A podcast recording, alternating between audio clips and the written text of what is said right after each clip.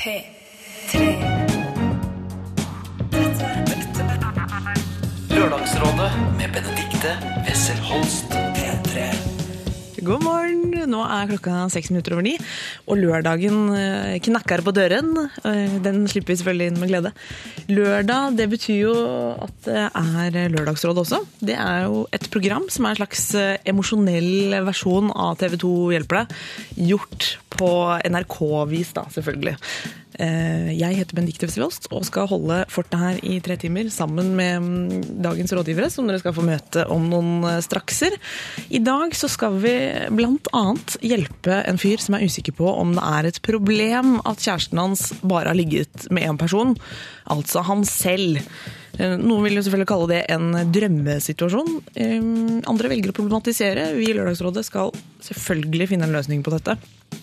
Eh, Man kan kanskje kalle det for en gangs skyld et ilandsproblem, med en litt eh, annen betydning enn ellers. Eh, en slags sånn vest, et vestlig problem. da Dama mi har bare ligget med én person. Hva skal jeg gjøre? Det er jo pussig. Men, men vi har forståelse for at det kan være et problem. Lørdagsrådet på P3. Det var In Bloom av Nirvana, et band som setter hjerter i kok den dag i dag. Eh, Forrige uke så diskuterte vi i Lørdagsrådet heftig vil jeg si, hvorvidt eh, en som het Julie skulle fjerne piercingen sin i navlen eller ikke. Da var det Rune Gokstad, Didrik Solli Tangen og Sigrid Bonde Tusvik som satt eh, i panelet, og vi kan jo høre litt på hva de mente om det. Ja, altså Jeg er jo imot uh, navlepiercing. Jeg tror jeg har hatt mye standup-tekster om det og sunget sanger og mobbet folk og, fra scenen og f- fått jenter til å rekke opp hånda og bare tatt dem hardt. den, eh, den piercing i navl-greia, den er, det er liksom litt sånn ungdomsskole, altså. Ja. Eh, Det er som delfin, uh, delfintattis på ankelen. Men ja. fordi jeg syns jo det er mange andre mer provoserende ting som jeg har vent meg til opp gjennom åra. F.eks.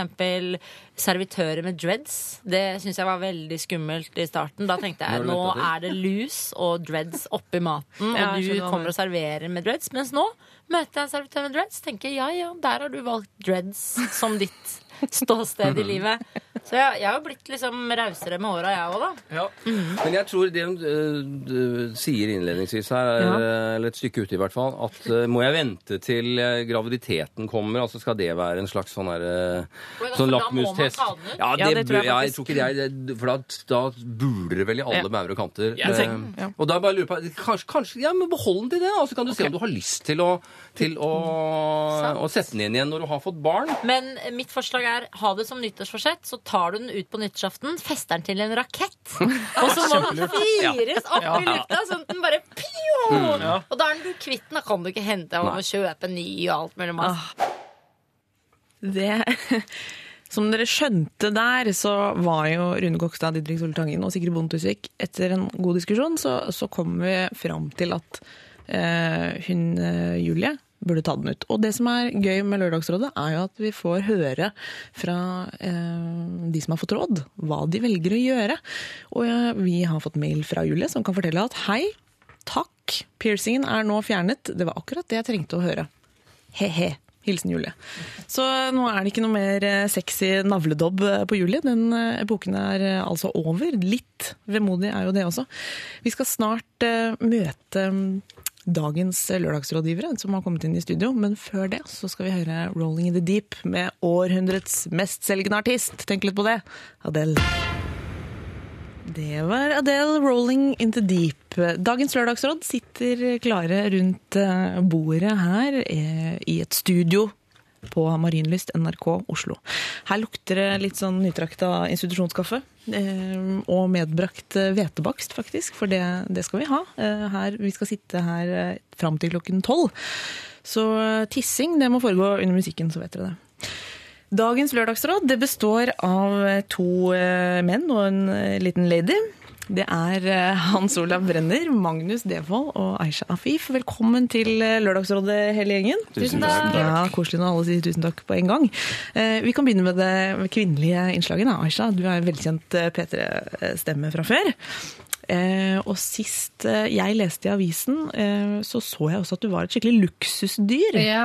Kan det Altså at du eh, jeg var så eh, Jeg bruker alle pengene på klær, kunne jeg lese, men Jeg det var så eh, lei meg for den. Jeg har fått så mye tid og så mye kjeft. Men det er ikke sant. Jeg bruker mye pengene mine på hair extensions, eh, akrylnegler og solarium også. Ja, For skjønnhet må man ikke glemme er en stor utgift. Når man skal holde det nivået som Aisha gjør, så er ikke det gratis. Det kan man bare si fra om. Eh, hvordan anser du deg som økonomisk rådgiver, hvis vi skulle få inn noen spørsmål om det i dag? Eh, helt ok. Ja. jeg er ikke noe Jeg vil ikke si at um, Jeg er ikke noe sånn luksusfellen. Du er Eh, luksusdyr, men ikke noen luksusfelle. Nei. Altså, Du går ikke i den fella. Nei. Viktig forskjell. Eh, litt av grunnen til at man kanskje liker det programmet så godt, er jo den gode følelsen av at vel har jeg liksom shoppa litt for mye, men jeg er ikke helt der. Jeg får betalt eh, strømregningen min. Ja, det er godt. Og de. Det er godt å vite. eh, Aisha fra Pappsalongen får betalt regningene sine for de som, ikke, de som lurte litt på det etter den uh... Jeg orker ikke, kan vi, jeg orker Ja. ikke tenke mer på den saken. Kan vi, bare, kan vi ikke snakke mer om den? Vi skal av- ikke snakke mer om den. Men det var veldig fine bilder. Uh, Eller og saken var fin. Overskriften syns jeg Ja, var ja, ja, lei. vi kan være enige om at eh, det er ikke gratis å holde et visst nivå. Det er vi alle klar over. Eh, Hans Olav Brenner, NRK-programleder, vismann, tidvis skuespiller, må vi kunne ta med, eh, med stor suksess. Du er eh, kanskje ikke like opptatt av Aisha og meg da, som en, en eh, oppdatert garderobe. Ikke sånn ment. Men No så, offense, nei. Men nei, jeg er ikke det. det er ikke der du legger inn skytsen, Nei. all skytsen i hvert fall. Og det ser man jo. Ja, det, men det må være greit. Det er greit. Hva driver du med i disse dager her i NRK-bygget? Nei, jeg driver og lager en ny eh, sesong av programmet mitt, da, som jeg har holdt på med en stund, som kommer igjen eh, til eh, romjula og skal gå over på nyåret. Så det holder på med. Intensiv opptaksfase. Og nå går vi umerkelig over i redigeringsfasen snart. Så da blir det veldig mye sånn kontorarbeid. Ja. Og vi snakker om ditt bilprogram. Mitt bilprogram brenner historie fra vårt land. Ja, og Hvor vi er- sakser direkte fra avisen Vårt Land. Og bare, Ja. Nei. Men, ja. Men er du fortsatt i bil? Jeg er fortsatt i bil, ja. Samme bil? Samme bil. Ja, Den holder den, koken, altså? Ja, den begynner å bli ganske skranglete. Men nå er det eget verksted her på NRK, da, med egen eh, flink eh, mekaniker som fikser den stadig vekk og gir den aktiv, ikke aktiv dødshjelp, men aktiv gjenoppliving hver gang den har eh, For det sammen. kan være Jeg tenker sånn eh, Jeg kan ikke veldig mye om TV-produksjon, men jeg antar at det er litt sånn halv, halvskummelt for et stort team at man eh, hele programmet baserer seg på noe som er i ferd med å gå i oppløsning. Ja, vi er veldig få, da. Det er veldig billig og enkelt og lite team og sånn. Men uh, bilen bryter sammen når uh, folk er om bord. Altså Lars Vaular, Sigbjørn Johnsen Jeg nevner i fleng folk som har vært med når og er blitt stående børfast i opptil flere timer. Men det blir kanskje gode samtaler av det? Ja, det blir litt sånn fint og Ja, jeg liker det når det går gærent. Ja. Eh, gleder meg til å se. Det er det sikkert flere som gjør. Eh, ved siden av Hans Olav Brenner så sitter en av, en av de høyeste mennene i Oslo sentrum akkurat nå. Det er eh, Magnus Devold. Du er komiker kjent fra jeg vil kanskje si særlig fra VGTV. Ja, det kan du si. Ja. Velkommen skal du være. Tusen takk. Du har vært lørdagsrådgiver før, du. Ja, det har jeg. Ja, og du turte å komme tilbake. Ja. Ja. Kan du si noe om eh, Ja, altså vi har sett deg mm, For, for deg som hører på, så er Magnus eh, han som annet eh, lette veldig etter Norges beste fest. Som fant du Norges beste fest via VGTV. Jeg fant vel ut at det er en slags kombinasjon av alle festene jeg var på. Ja. Som at du plukker ut de beste små komponentene og setter det sammen til en slags Frankenstein av en fest. Hva er det du får da, egentlig? Rave? Nei? Nei, det, var, det ble noe veldig rart, men det var gøy. Ja. Det var ikke så mange som kom heller. Så, og til å være at vi var kanskje ti stykker, så var det en ganske eh, høy partyfaktor, som ja. er et ord jeg ikke sier så ofte. Ja, høy partyfaktor. eh, Det er et ord jeg sier ganske ofte, så jeg føler det må være greit. Er det, har du blitt en fest, festens, eh, festerne- festenes mester? Altså, er det sånn nå at hvis neste gang du inviterer hjem, så er det sånn Da vet man at man får eh, Da bør det bli ganske bra. Da bør det bli ganske bra. Du er Ja. forbi sånn sette fram potetgull og dipp og sånn. Hva er det du drar fram, egentlig? Eh, ja, det er potetgull og dipp. Det funker fortsatt. Man må dra frem potetgull og dipp uansett. Potetgull og dipp er altså aldri feil. Det er jeg egentlig ganske enig. i. Ja, jeg synes det er kjempegodt. Ja. Holder du på med noe eh, humorrelatert eh, i disse dager? Ja. Som kan røpe for, eh, for Lørdagsrådets lyttere? Det kan jeg gjøre. Ja. Jeg holder på med eh, sesong to av I kveld med Ylvis på TV Norge. Akkurat, ja. Disse to spreke karene hvor du dukker opp eh, som hva er det man kaller det? Sidekick? Er ikke det Jeg er TV-språkets ord? ikke helt sidekick, Nei, men nei, for for de har en er annen han- sidekick, og så er jeg under Under sidekicken igjen. sidekicket, du. Der er jeg, som et sånn fjerdehjul på vogna. Men eh, vogna trenger jo fire hjul. Den gjør det. Ja. Så der, der kommer vi til å få se deg i høst allerede. Det gjør vi. Vi har premiere jeg tror det er 11. september. Ganske lett å huske den Ja. datoen der. Det er noe med den datoen der som man kan uh, huske på.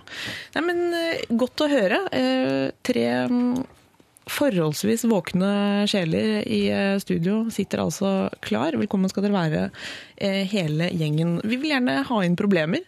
For det er derfor vi sitter her og trøkker, så send det inn for all del. P3 1987 LR-alfakrøll nrk.no. Og vi vil vite hva du sliter med. Enten det er stort, lite, litt sånn halvpinlig, morsomt, hva som helst. Vi tar det imot, og vi tar en diskusjon på det. I mellomtiden så kan dere gire dere opp med disse strandgjøglerne. Beach House, Disaster in the Universe. Lørdagsrådet Det var Beach House med Disaster in the Universe. Eh, Høy sånn eh, Jeg nevnte at jeg sa det var litt sånn gjøglefaktor. Det er litt ladet ord, men de har faktisk eh, dreads og bongos.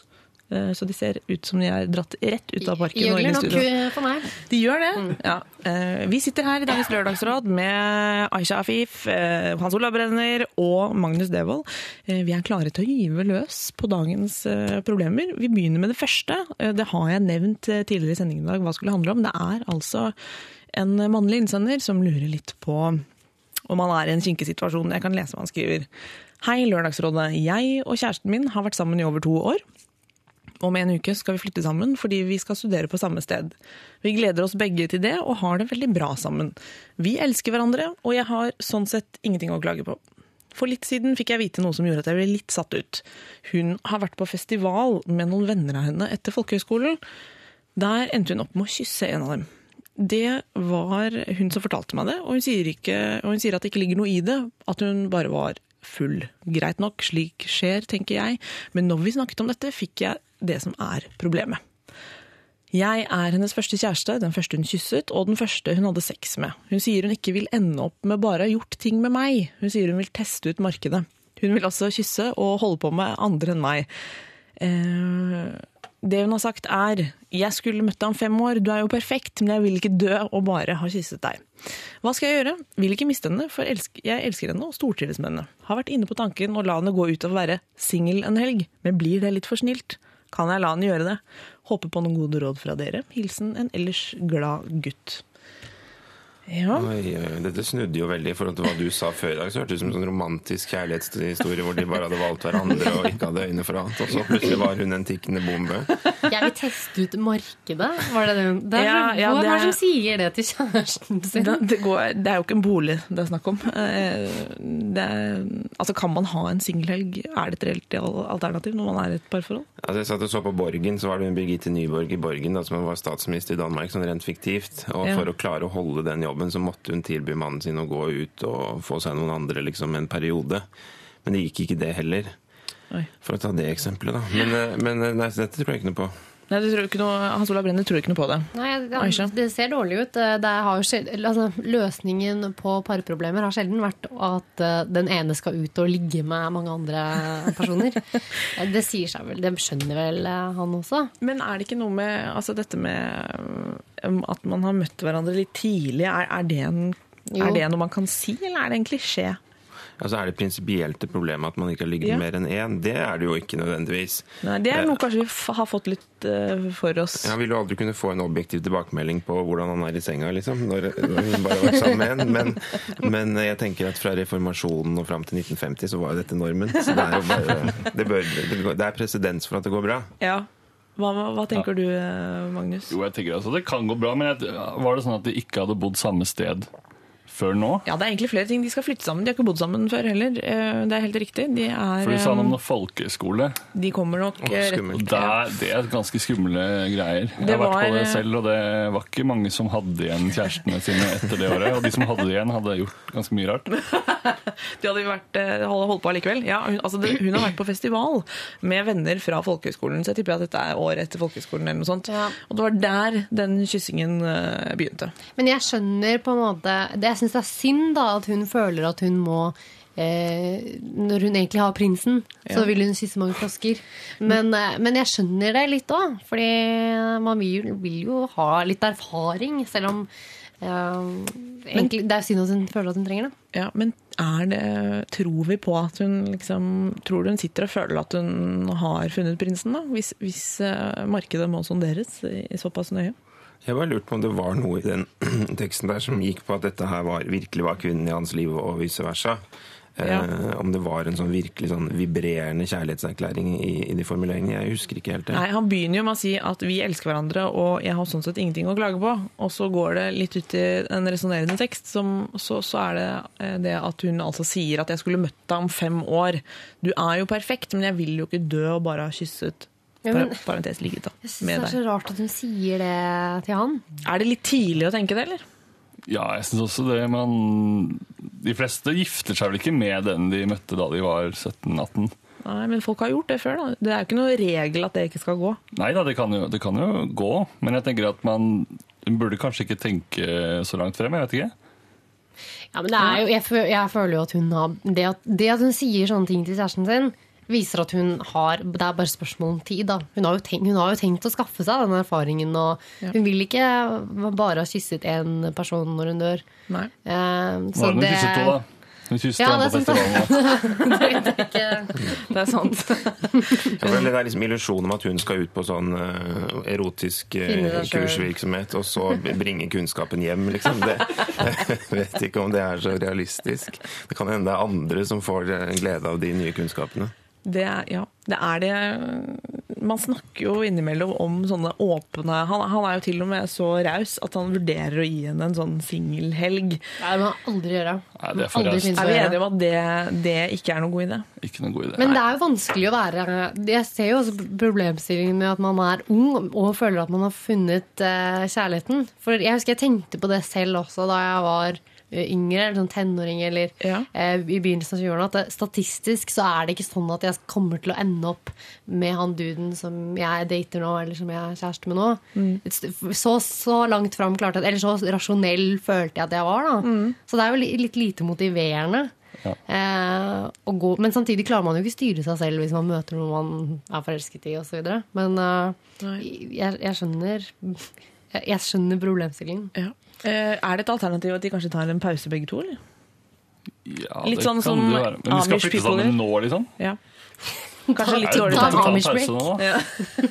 Ja, de skal flytte sammen, ja. Det var også et Ja, moment, det. et viktig moment. Ja. Altså, man må jo holde muligheten åpen for at folk er annerledes enn han selv. Ja. Og allerede med denne rausheten han viste vis-à-vis det kysset med en fra folkehøgskolen, syns jeg jo var imponerende. Det ligger ikke helt for meg. Men, men det kan jo godt hende at det funker, og at den rausheten hans eh, kan liksom strekkes videre uten Ja. at det går utover hans selvrespekt. Det er jo individuelt, selvfølgelig. Ja. Men kanskje ikke kjempesannsynlig. Eh, Pluss at er det, er det sånne eh, menn man vil ha, da, som sier sånn jeg vil at du skal være her hvis det koster meg at du ligger med andre. Det er greit. Altså, Det er jo ikke på en måte sånn kjempesexy i utgangspunktet, kanskje. Nei. Hun må nesten eh, Ja, nei, hun må ta et valg. Og så kan hun angre seg når hun uh, har funnet seg noen bad boys som sårer henne gang på gang. Ja. Da kan Kan- hun eh, Det er jo, altså Kan man si det sånn at vår mann, som tross alt er han som har Vi blir jo veldig interessert i, i kjæresten hans, men hun har vi jo ikke hørt fra. Vi får jo bare henne beskrevet. Eh, Men vår mann, han, vi syns ikke det er noe godt råd at, at han gir henne en sånn frihelg.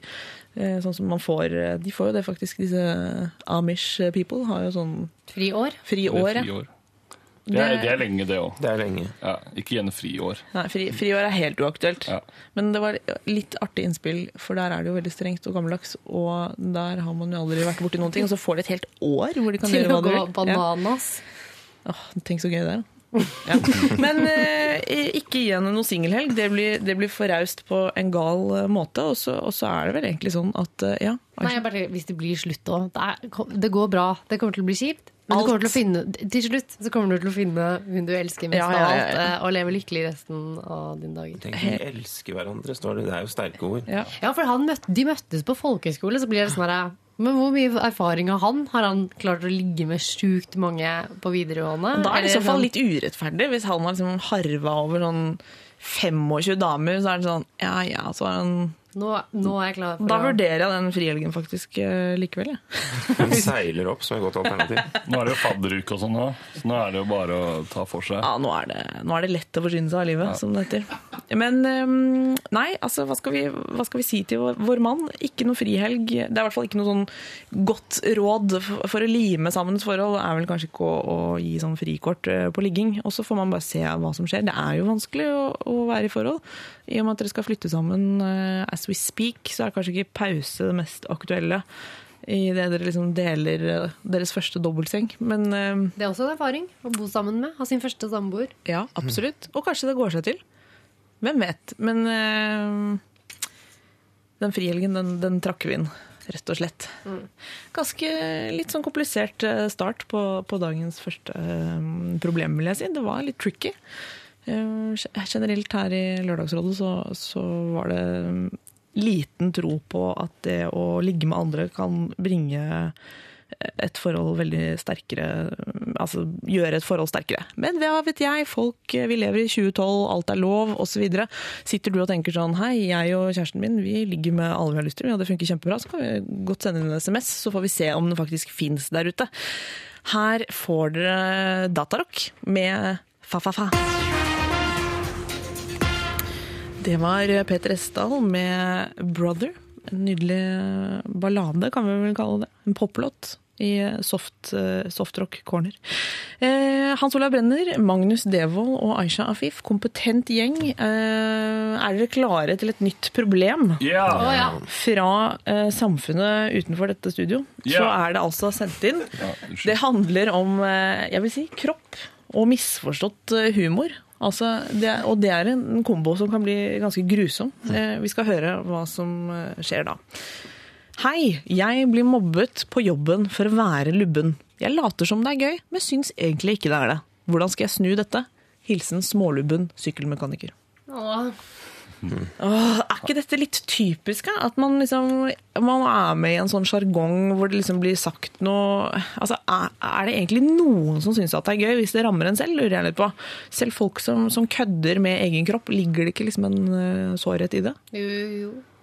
Finn den uh, snilleste på den som er mest sympatisk på jobben.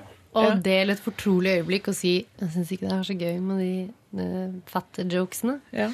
Og så, den, så kan den personen bare spre det. Oi, det var rett på en ganske Ja, god bra, eh, løsning. Ja. Veldig bra. Sykkelmekaniker. For det er alltid når man er med i en sånn Jeg kjenner meg igjen når jeg er med i en sånn gjeng. Alle står sånn og bare Ja, jeg er tjukken og Og så er det alltid en som bare Hallo, jeg tror kanskje ikke han syns det er så gøy, egentlig. Og Ja. du, må, du må finne den personen som vil si det. ja. Jeg trodde ikke sykkelmekanikermiljøet var liksom like hardt som bilmekanikermiljøet, men tydeligvis.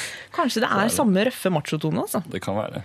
Hva er det man eh, kan risikere? Jeg må, liksom, jeg, jeg må på en måte visualisere hva som skjer her. Altså, han står og, jeg kan tenke meg at han står og skrur litt. Kanskje er det en rumpesprekken i bildet? Ja. Kanskje er det noen joviale kommentarer rundt sånn Kanskje hei. de går med sånn sykkeldrakter. Ja, kanskje det går sånn tight, tighte greier hele dagen. Da er det veldig vanskelig å skjule at man har ja, De behøver vel ikke å gå i tights, kanskje? De som Nei, de gjør kanskje ikke det. Nei, kanskje- jeg- De behøver ikke, men Men kanskje det er kultur på det? Hvem vet? Men, også er det sånn Vi kan vel kanskje ikke se for oss at det er en, Det er jo litt sånn barneskoleaktig å si sånn Hei, tjukken! Ta imot ballen. Altså, det er jo litt forbi når man er i arbeidslivet. Hvordan tuller man med noens kropp? Jo, men det er det liksom at Tulling med kroppslyter er jo ikke greit uansett, men jeg kjenner meg veldig, kjenner meg veldig igjen. Ja. At, nei, men Jeg har også vært overvektig i perioder. Nei, men altså at, at, eh, at du, du liksom går med på en sjargong første gangen, og så Ja. er du liksom fanget i det. Da må du bare fortsette å synes det er morsomt inn i evigheten. Ja. Og det er utrolig på en litt sånn mono, Jeg vet ikke om dette er monotont, men kanskje litt monotont. Så er det utrolig hvor lenge sånne litt ensidige spøker kan leve. Altså Det kan jo holde på i ti år uten at noen går lei eller oppdager at det egentlig er veldig forslitt.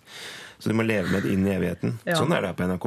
Det er det. Du møter folk i gangen som slår den samme spøken til deg som de gjorde for åtte år siden, liksom.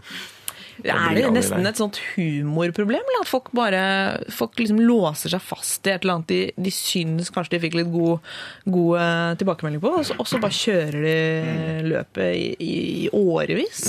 Hvordan får man eh, folk som, som har eh, begynt med noe så kjedelig, til å endre atferd? Altså, Aisha, du var inne på du gikk jo Du tenkte at vår smålubne sykkelmekaniker kunne snakke med den snilleste på jobben og røpe liksom du, Den mest samvittighet, Yes. den som får Mm. dårlig samvittighet. At uh, dette syns ikke jeg er noe ålreit. Men er det en annen mulighet? Altså, jeg er jo kanskje litt mer aggressiv. Jeg tenker sånn, Er det ikke liksom digg å ta igjen, da? Altså, det er så undervurdert. Hva med å liksom ruge fram et par gode one-liners, og så bare nok en lubben spøk, og så bare tilbake med et eller annet uh, juice? Stygga.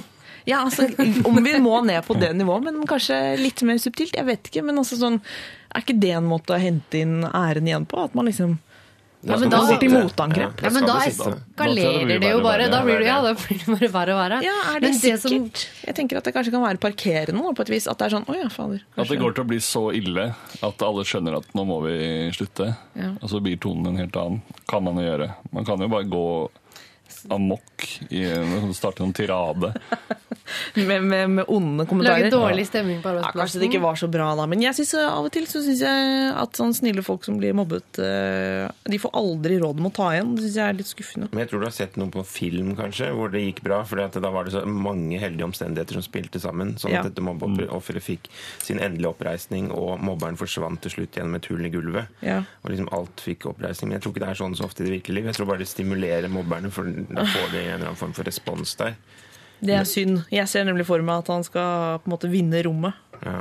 Og oppstå som eh, både slank og morsom. Men det var veldig, jeg ble fascinert av Aisha her, som det virket som hun bare slo opp i HMS-boka Ja, det var liksom, veldig og hadde proft. råd på rede hånd. Og det var et veldig, veldig bra råd. Ja, men det er bedre, Man kan heller få noen andre til å være Fordi det som eh, man kan være redd for, er jo at man vil framstå som en som har masse humor på sin egen bekostning. Eller sånn lite selvhøytidelig. Og så vil man ikke være den som lager dårlig stemning. Det er sånn partypooper på, på jokinga eller køddinga rundt på Ja. jobben. Men få noen andre til å være det. Eller hvis det er sikkert én fyr som, som er sånn hovedmannen bak det, som er han som ikke er så morsom Ja. så ofte, men så fant han en sånn greie der som uh, folk eh, digga. Ja. Kanskje bare få han ut av bildet. Få han sparket eller noe sånt. Ødelegge sykkelen han har Han kan eh, eller- stikke hull i dekkene på sykkelen hans konsekvent. Så Ja. hver gang noen henter syklene til han slemme, så er de misfornøyde og leverer dem tilbake og sier at de er ikke fiksa, de er Ikke sant. verre enn de var. Men, altså, jeg tenker, ja. Ja, men jeg tenker Hvis du har det personlige motet da, til å stå i situasjonen og si vet du hva, nå har dere til i alle, altså til alle i plenum, hvor mange dette nå enn er, og si sånn nå har dere spøkt med dette her i så og så lang tid, og jeg syns faktisk ikke det er noe morsomt. Og så ler de kanskje fordi de tror fortsatt han er i den tullesjargongen. Så bare nei, vet du hva. Jeg mener det seriøst. Så blir Det er også litt film. Altså. ja, men, ja, men, så blir det kjempepinlig, og alle går i seg selv. Ja. Og så skjer det aldri igjen. Ja, men det blir også litt sånn at uh, nå må alle være forsiktige og ikke komme med noen jokes. Og det er ikke lov å Kanskje gjøre det siste dagen før en ferie eller noe sånt. For da har du på en måte en, la oss si en måned eller et par uker, og så blir det ikke så kleint Eller bare si det til når man kommer tilbake. Eller si til sjefen. Bare få, sjefen, bare få sjefen til å bare Hei, nå er det nok med den køddinga. Ja. Uh, generelt så mener vi, altså du er smålubbende sykkelmekaniker, det er altså ingen grunn til at du skal finne deg i eh, en sånn sjargong. Eh, trikset er bare å, å, å liksom gripe deg an på riktig måte, sånn at ikke du eh, virker sånn ekstra lei deg, for det er ikke noe kult. Du må liksom være i kontroll, fortsatt ha kontroll over situasjonen, tenker jeg. Så Aisha råder deg til å snakke med den greiste på jobben og, og la vedkommende spre det videre. At nå nå er det ikke mer eh, lubne jokes. Eh, Hans Olav mener du skal ta et sånt øyeblikk i sykkelhallen og si sånn Folkens, nå er det nok. Og så se hva som skjer. Eh, Jeg ser det for meg. Det kan være veldig effektfullt og, og sterkt, ikke minst. Det kan også være litt ekstra vanskelig. Eh, Magnus, hva tenkte du mente Jeg syns han han skal gjøre det rett før en ferie. rett før en ferie? Ja, så, slipper, så slipper det å bli pinlig de første dagene etterpå. Fordi når det har vært ferie, så snakker de om andre ting når de er tilbake igjen. Ja. Og så har de det i bakhodet. Så har det kanskje sunket inn? Og så kanskje sabotere litt for han som starta. Nettopp, det skal vi heller ikke glemme. Eh, Sånn generelt så er det jo kanskje greit å vite at, eh, det der, eh, at vi alle kan havne i en sånn felle hvor vi vi tøyser med ting vi selv syns er veldig morsomt. Eh, Og det kan ofte være folk som eh, jeg kan, I og med at vår venn eh, signerer sitt, problem her til Lørdagsrådet med hilsen smålubben sykkelmekaniker, så innbiller jeg meg at han liksom har litt humor selv. Og med en gang man åpner for humor, så fins det alltid idioter der ute som tror at å ja, du kødder med at du er litt smålubben. Da skal jeg gjøre det også. Det er alltid feil, da. Eh, Det er greit å huske. Altså, jeg kan si 'fader, ass, jeg har blitt tjukk'. Du skal ikke si det. Det er en stor forskjell. Er vi enige om det? Ja, liksom, hvor går grensen for selvironi? Og veldig ofte så er den dyttet på oss av andre. Liksom, Ja. Den der falske selvironien.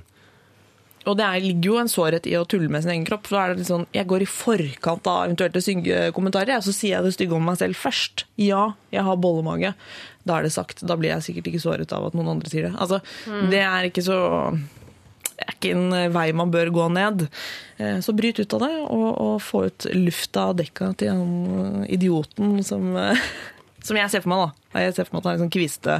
Eh, Jeg tror ikke han er faktisk den slankeste på jobben engang. Han bare kanskje litt tynnere enn vår smålubne sykkelmekaniker, og så bare bruker han seg.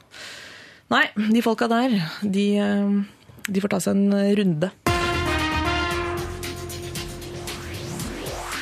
Eh, Det var eh, brødrene Eliassen det, som vil gi deg eh, en eh, orgasme før du går. Er det ikke, skal vi bare si at det er det du vil, eller? Det det syns jeg er artig, men jeg syns det er litt, litt sånn awkward at det er et sånt brødrepar i kor som synger akkurat det. For da ser jeg for meg At Vi skal gjøre det sammen.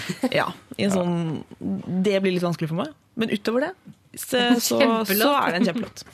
Eh, Dagens lørdagsråd det består av Hans Olav Brenner, Aisha Afif og eh, Magnus eh, Devold. De sitter her, pumpa opp på kaffe og litt sånn sukkerstimuli for å holde koken. Vi skal gå i gang med et nytt problem. Og her, altså, er, her får vi brukt Her tror jeg vi må trå til med den erfaringen vi kanskje ikke har, og så bare late som vi har den. Bø, skal vi se. Hallo, Lørdagsrådet. Jeg er en jente på 24 år som er blitt spurt om å være barnevakt for et søskenpar på ett og fire år i over en uke.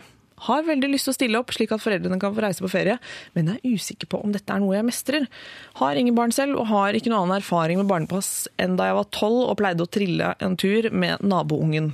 Ser for meg noen skrekkscenarioer der barna hylskriker, slår seg halvt i hjel, eller at jeg mister dem hvis vi er ute på tur. Er dette noe dere tror en barnløs 24-åring med eh, null erfaring kan klare? Eller burde jeg takke pent nei for å spare de søte små for en uke med helvete? Hilsen Mary Poppins. Altså, det er jo dristig, jeg vil si det sånn en gang, ganske drist, åpenbart veldig feriesugne foreldre. Ja. Ja. Enormt. De må jo ha noe annet. Hun kan jo ikke gjøre det. Det er helt sykt. ja hvor var det? De ungene var ett et år. Ett og fire. Det er sjuke greier, hæ? Ja, men altså, er Magnus Devold Men har de hus, liksom, så kan ha fest, og det er, Det er og, jeg, og babycall de Det virker og- sånn at hun, hun skal nok være i foreldrenes eh, hus og bo der en uke med, med to barn. da. Nei, jeg vet ikke. Jeg, jeg, jeg føler ikke at jeg hadde klart Jeg har ingen barn selv, men jeg, jeg prøver å Nei, og Da kan du snakke fra, fra ja, egen Jeg sitter erfaring. i nærheten av hennes alder òg. Ja. Jeg hadde aldri sagt ja til det. Jeg hadde aldri sagt ja Det til det. høres helt vilt ut, men var den minste virkelig ett år? Ja. Og så skal det være borte en uke? Ja. Ha, ha, har du barn, Hans Olav? Nei, jeg har ikke det, men eh, jeg har sunn fornuft. Det høres helt sykt ut. Ja, det er helt sykt. Ja, Magnus Devold, jeg antar at du ikke har barn? Jeg, har, jeg tror ikke jeg har noe barn. Ja, Så, så, eh, ikke som du vet om. nei. Og jeg har veldig, jeg har altså ingen erfaring med barn. Kunne aldri funnet på å gjøre det. Men jeg er veldig ukomfortabel rundt barn. Da. Så det hadde sikkert blitt veldig sånn pinlig og, og rart i tillegg. Hva er det du, synes som blir vanskelig? Jeg jeg skjønner ikke Jeg skjønner aldri hvor mye de kan og, og vet, og hva jeg skal snakke med dem om når de er så og så gamle. Eller om jeg skal snakke med dem i det hele tatt. Ja, sånn når, når på en måte språk inntreffer, når de skal gå, når de liksom kan Altså, lese en før bok de har selv. begynt å snakke, så Hva ser de veldig smarte ut. og- Ja. Og liksom, de ser på deg litt sånn misbilligende, Ja. om de er dritsmarte. Men så begynner de å snakke, og da skjønner, de at, da skjønner du at de ikke er så smarte likevel. ja. Eh, Men en uke, altså har noen av dere forsøkt å sitte barnevakt sånn, et, med én overnatting? Nei. Det er. Det er ganske Ja, krevende. det må jo skje noe i løpet av en uke. Ja. Det må skje flere hendelser som hun kommer til å måtte slite med. Det er læring for livet, dette. Det er ikke noe tvil om det. Det er jo- Hvis hun kaster seg uti det. Det høres jo nesten ut som et sånt NRK3-konsept, eh, hvor det er sånn ikke få barn før du er 30 år-prosjekt. Altså sånn Det kan jo virke preventivt på vår 24 år gamle Men noe må jo de ha gjort. altså Hun blir jo sikkert overvåket i det hjemmet, f.eks. For, for noe må de ha gjort for å være sikre på at dette går bra. ja. For de kan ikke tenke seg at det går bra en uke med så små barn. Eh, hvis vår Mary Poppins altså Hun er jo virkelig positivt innstilt, da, det må jeg jo virkelig si. Altså, hun vil veldig gjerne hun, at, at dette paret skal få ta seg en ferie. Eh, så, så la oss eh, bare sånn, se for oss at hun vil dette her. Tror dere hun vil klare det? Ja, men Jo da. Hva Ja, det er å klare, ja, liksom? ja, fordi jeg du- tenker hva er å klare? Det er at begge barna lever etter en uke. Det er å klare. Ja. Det Det vil må klare. være målet hennes. Ja. Hun kan ikke ha høyere mål enn det. Ta et førstehjelpskurs først. Ja. Ja, men det er, ja, for det er for mye ansvar. Men det er ikke det at det, fordi hun er 24 og ikke har barn at ikke, Men det er jo mer da hun har ingen erfaring. Hun Mm. har aldri håndtert barn, barn før. Og da syns jeg det blir litt mye å få to barn under fem år, og som du skal ha koll på en hel uke. Ja, det det må jo være en tilvenningsfase da, hvor hun bor under samme tak som familien i Ja, det er et tre poeng. døgn før dette skal skje, f.eks. Hun kan ikke være helt sånn Hvem er du? Ja, for Hun kjenner jo ikke rutinene til de barna. Eller Jeg må få, hvordan få en del innføring. Så dette blir eh, strengt tatt så er dette kanskje 14 dager med Jobb. Med, jobb. Ja. Fordi det, det blir såkalt innkjøring òg. Sånn, og så er det alle listene som hun må sette seg inn i, som er sånn eh, Koking av flaske, høyre skap, eh, øverste hold, den kan du bruke. Og så er det sånn klokken 11.15, koking av grøt. Eh, klokken 14, år, lur. ja. Altså dette, dette blir et Høres eh, helt grusomt virkelig ut å ha barn. Og så må jo da ettåringen venne seg til tanken på at hun aldri får se foreldrene sine igjen. For det tror jeg de tror når de er Ja, de så små. det. Og når det har gått så lang tid. Dette er min mor nå. Ja. Det er veldig Og de sånn kommer til å bli så knyttet til nå. Ja. Det kan jo bli veldig koselig òg. Altså det, blir, det blir nok bonding eh, på en Ja. uke. Eh, Kan man eh, Hva med rett og slett å foreslå Vet du hva, jeg unner dere litt fri. Jeg prøver meg på en helg. Er det et alternativ, eller? Siden hun Ja. er såpass positiv. Ja, men kan ja. Ja, men Altså, du igjen kan ikke gå rødt rett det- på en uke. Ja, men igjen, en helg er, en helg også er kjempemye. Ja. Skal vi, ha, en kveld, da. aldri har- En ja, en overnatting. En overnatting. En time. Begynne en time. og så bare eskalere litt og litt for hver gang. Men det er jo ikke da- det at hun ikke vil. Det er bare at hun, Ja. hun må jo bare si det som det er. Jeg, jeg føler meg ikke trygg på at Nei. jeg klarer det. Og så vet man jo ikke om disse barna liker det. For jeg har vært barnevakt én gang. Okay. Og da var det min kone og jeg som skulle være barnevakt. Og da, det vi ikke hadde regnet med, var for eksempel at de barna var livredde for meg og mitt skjegg. Ja. Så da hun fikk se meg og skjønte at hun var alene med oss, hun lille, Mm. så hylskrek hun. Og da måtte vi ha en sånn seremoni hvor jeg latet som jeg gikk. Og tok på meg alle ytterklærne og sa ha det bra og ble borte. Til hun hadde lagt seg, og så kom jeg tilbake. Så man vet jo aldri hvordan de reagerer. Nei, barn, vet du, de er jo Man må jo bare si det som det er. De er jo ganske dumme. Ja, Fram til en viss alder, så, så det, er mye, det er mye de ikke skjønner. Um, altså, er det Jeg blir litt irritert på de foreldrene. Så Ja, jeg synes det er er ikke det dårlig. litt mye å be om? om det, og be det fra noen som aldri har hatt noe med barn å gjøre En før. uke rett på uka, liksom? Og har de ingen venner med barn som kan gjøre det? Nei, det er kanskje Har de ikke besteforeldre, eller, eller har de ikke foreldre som kan Kanskje derfor de ikke har noen venner, Ja. fordi de spør om sånne teite tjenester hele Nei. Det er nesten som å si sånn Du, eh, kan jeg låne 220 000 av det? Du får det igjen om eh, 14 dager, altså. altså det, er, det er på det nivået. Det er, det er liksom forbi sånn Ja, en uke, det er, det er på Det var det egentlig den prisen jeg satte på den uka, egentlig, kjente jeg nå. 220 000, hadde du gjort det for 220 000 kroner? Kanskje. da skulle jeg hatt eh, pengene i en eh, babybag med en gang, sammen med barna. Men kanskje de foreldrene har tenkt lenger, altså at hun skal inngå et slags team med Ja. en psykolog, en svigermor, en barnepleier. Altså det er flere som skal ta hånd om det, ikke bare Kanskje. henne. Det kommer jo Da, men da trenger hun ikke være der. det, det, virker jo, det virker jo som vår innsender er helt alene. Altså hun, hvis hun skulle være hadde en, eksempel en samboer eller et eller annet, så, så, så ville hun kanskje nevnt det i brevet til Lørdagsrådet, men det har hun ikke nevnt. Eh, Hun sier jo faktisk eh, helt alene, så da må jeg nesten ta henne på ordet. Og helt alene, kjære Mary Poppins, i en uke, det fraråder et eh, samlet lørdagsråd deg å gjøre, rett og slett. Eh, I tillegg til at vi ikke klarer å la være å tenke på at det er en veldig, veldig stor tjeneste å be om. Eh, og, og ikke minst et veldig stort ansvar å legge på eh, noen med to barn under fem år på, på ufaglært eh, arbeidskraft. Jeg vet ikke. Jeg syns det, det er uansvarlig av Ja. foreldrene til de barna Ja. å spørre en 24 år gammel jente som aldri har hatt noe med barn å gjøre før, om Mm. å sitte barnevakt en uke. Ja. Det, det, nå var vi litt harde. Ja. Men uh, vi må jo også legge til at uh, lørdagsråd, dagens lørdagsråd er fullstendig barnløst. Uh, vi mangler på en måte innspill fra ansvarlige voksenpersoner. Men vi setter oss inn i det og, og, og ser for oss at det ville ikke vi gjort da, hvis vi hadde to barn under fem år. Bare liksom lagt dem over på en 24-åring. Åh, Men eh, siste innspill. Det er jo helt naturlig å ha barn, og, og hvis man ser seg litt rundt om i verden, så, så, så er det jo ikke sånn at barn eh, Der kan jo barn f.eks. gå litt rundt i gata mens foreldrene sitter på restaurant. Altså, vi er jo litt vilt redde, er vi ikke det? Jo, man Jeg ville gjerne hatt at kriseteam, liksom. Hvis jeg skulle vært barnevakt en uke, så måtte jeg hatt sånn operativ styrke som var på sånn nødnummer Kanskje bare vi til kan leie det? Men det er jo foreldrene, det er det er foreldrenes eh, valg å være hysterisk redde for Ja. barna sine eller ikke. Men med en Disse gang er åpenbart ikke det. Ja. Jo, men En pen, kjekk pike på 24 kunne sikkert passet på barn i 1952. Ja, det er det jeg mener. 1950 Hun kunne passa på fem, kanskje. Så vi er sikkert pervertert av sånne moderne tanker om Ja. hvordan barneoppdrag skal være, og hvor utrolig pedagogisk det skal foregå. Ja, og hvor eh, utrolig trygt alt skal være og sånt. Mm. Men, eh, Ja, men men jeg, men det, det handler om erfaring. Jeg ville ikke passet på to hunder en uke. For jeg Nei. bare veit ikke hva jeg skal gjøre med dem. For jeg har ingen erfaring med det. Nei, det må bli siste ord. Vi, er jo en, vi er jo enige her. Altså, det var hundesammenligningen som virkelig fikk det på plass. Man må begynne med noen små burdyr eh, før man går rett i gang med virkelige saker. Eh, her får dere Beck med 'Loser'. Lørdagsrådet på P3.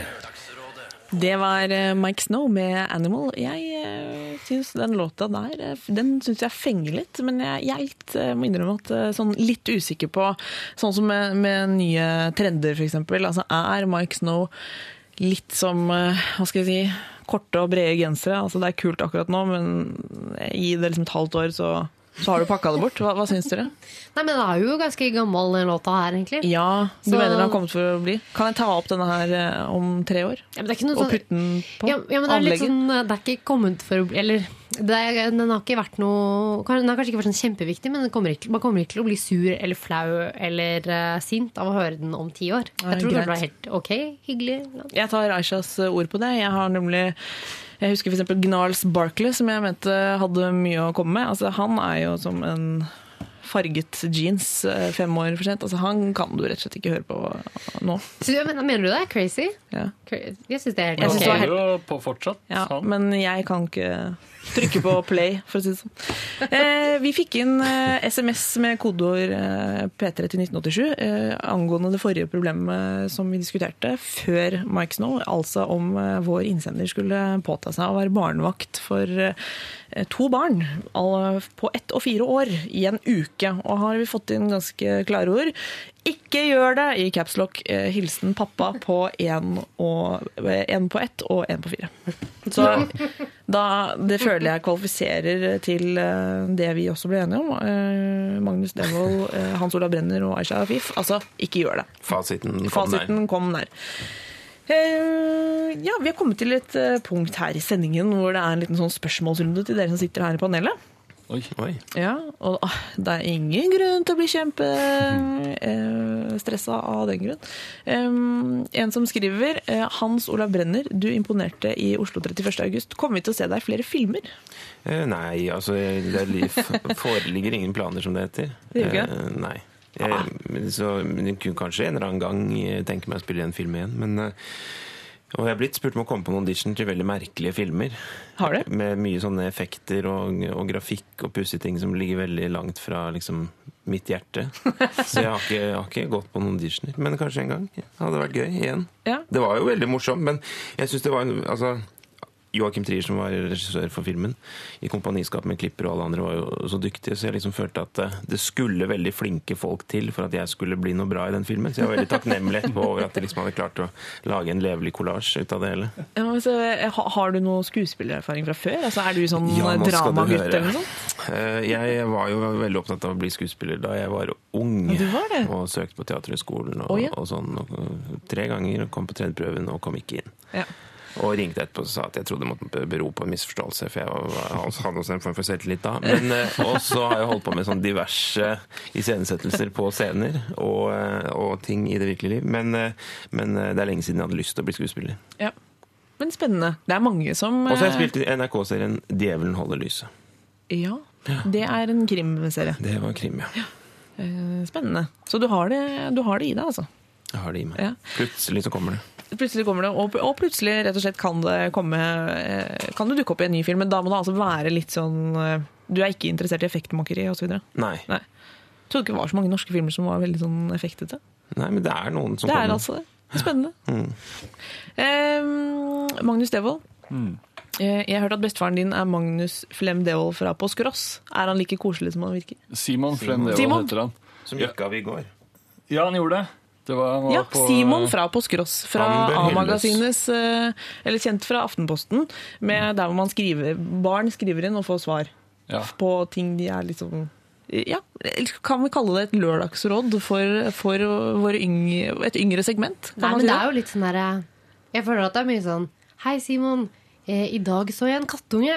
Ja. Eh, hilsen eh, Matilda på fire år. Ja. Og så er det et langt svar på det. Ja, da, så, da, da skriver Simon Hei, Matilda.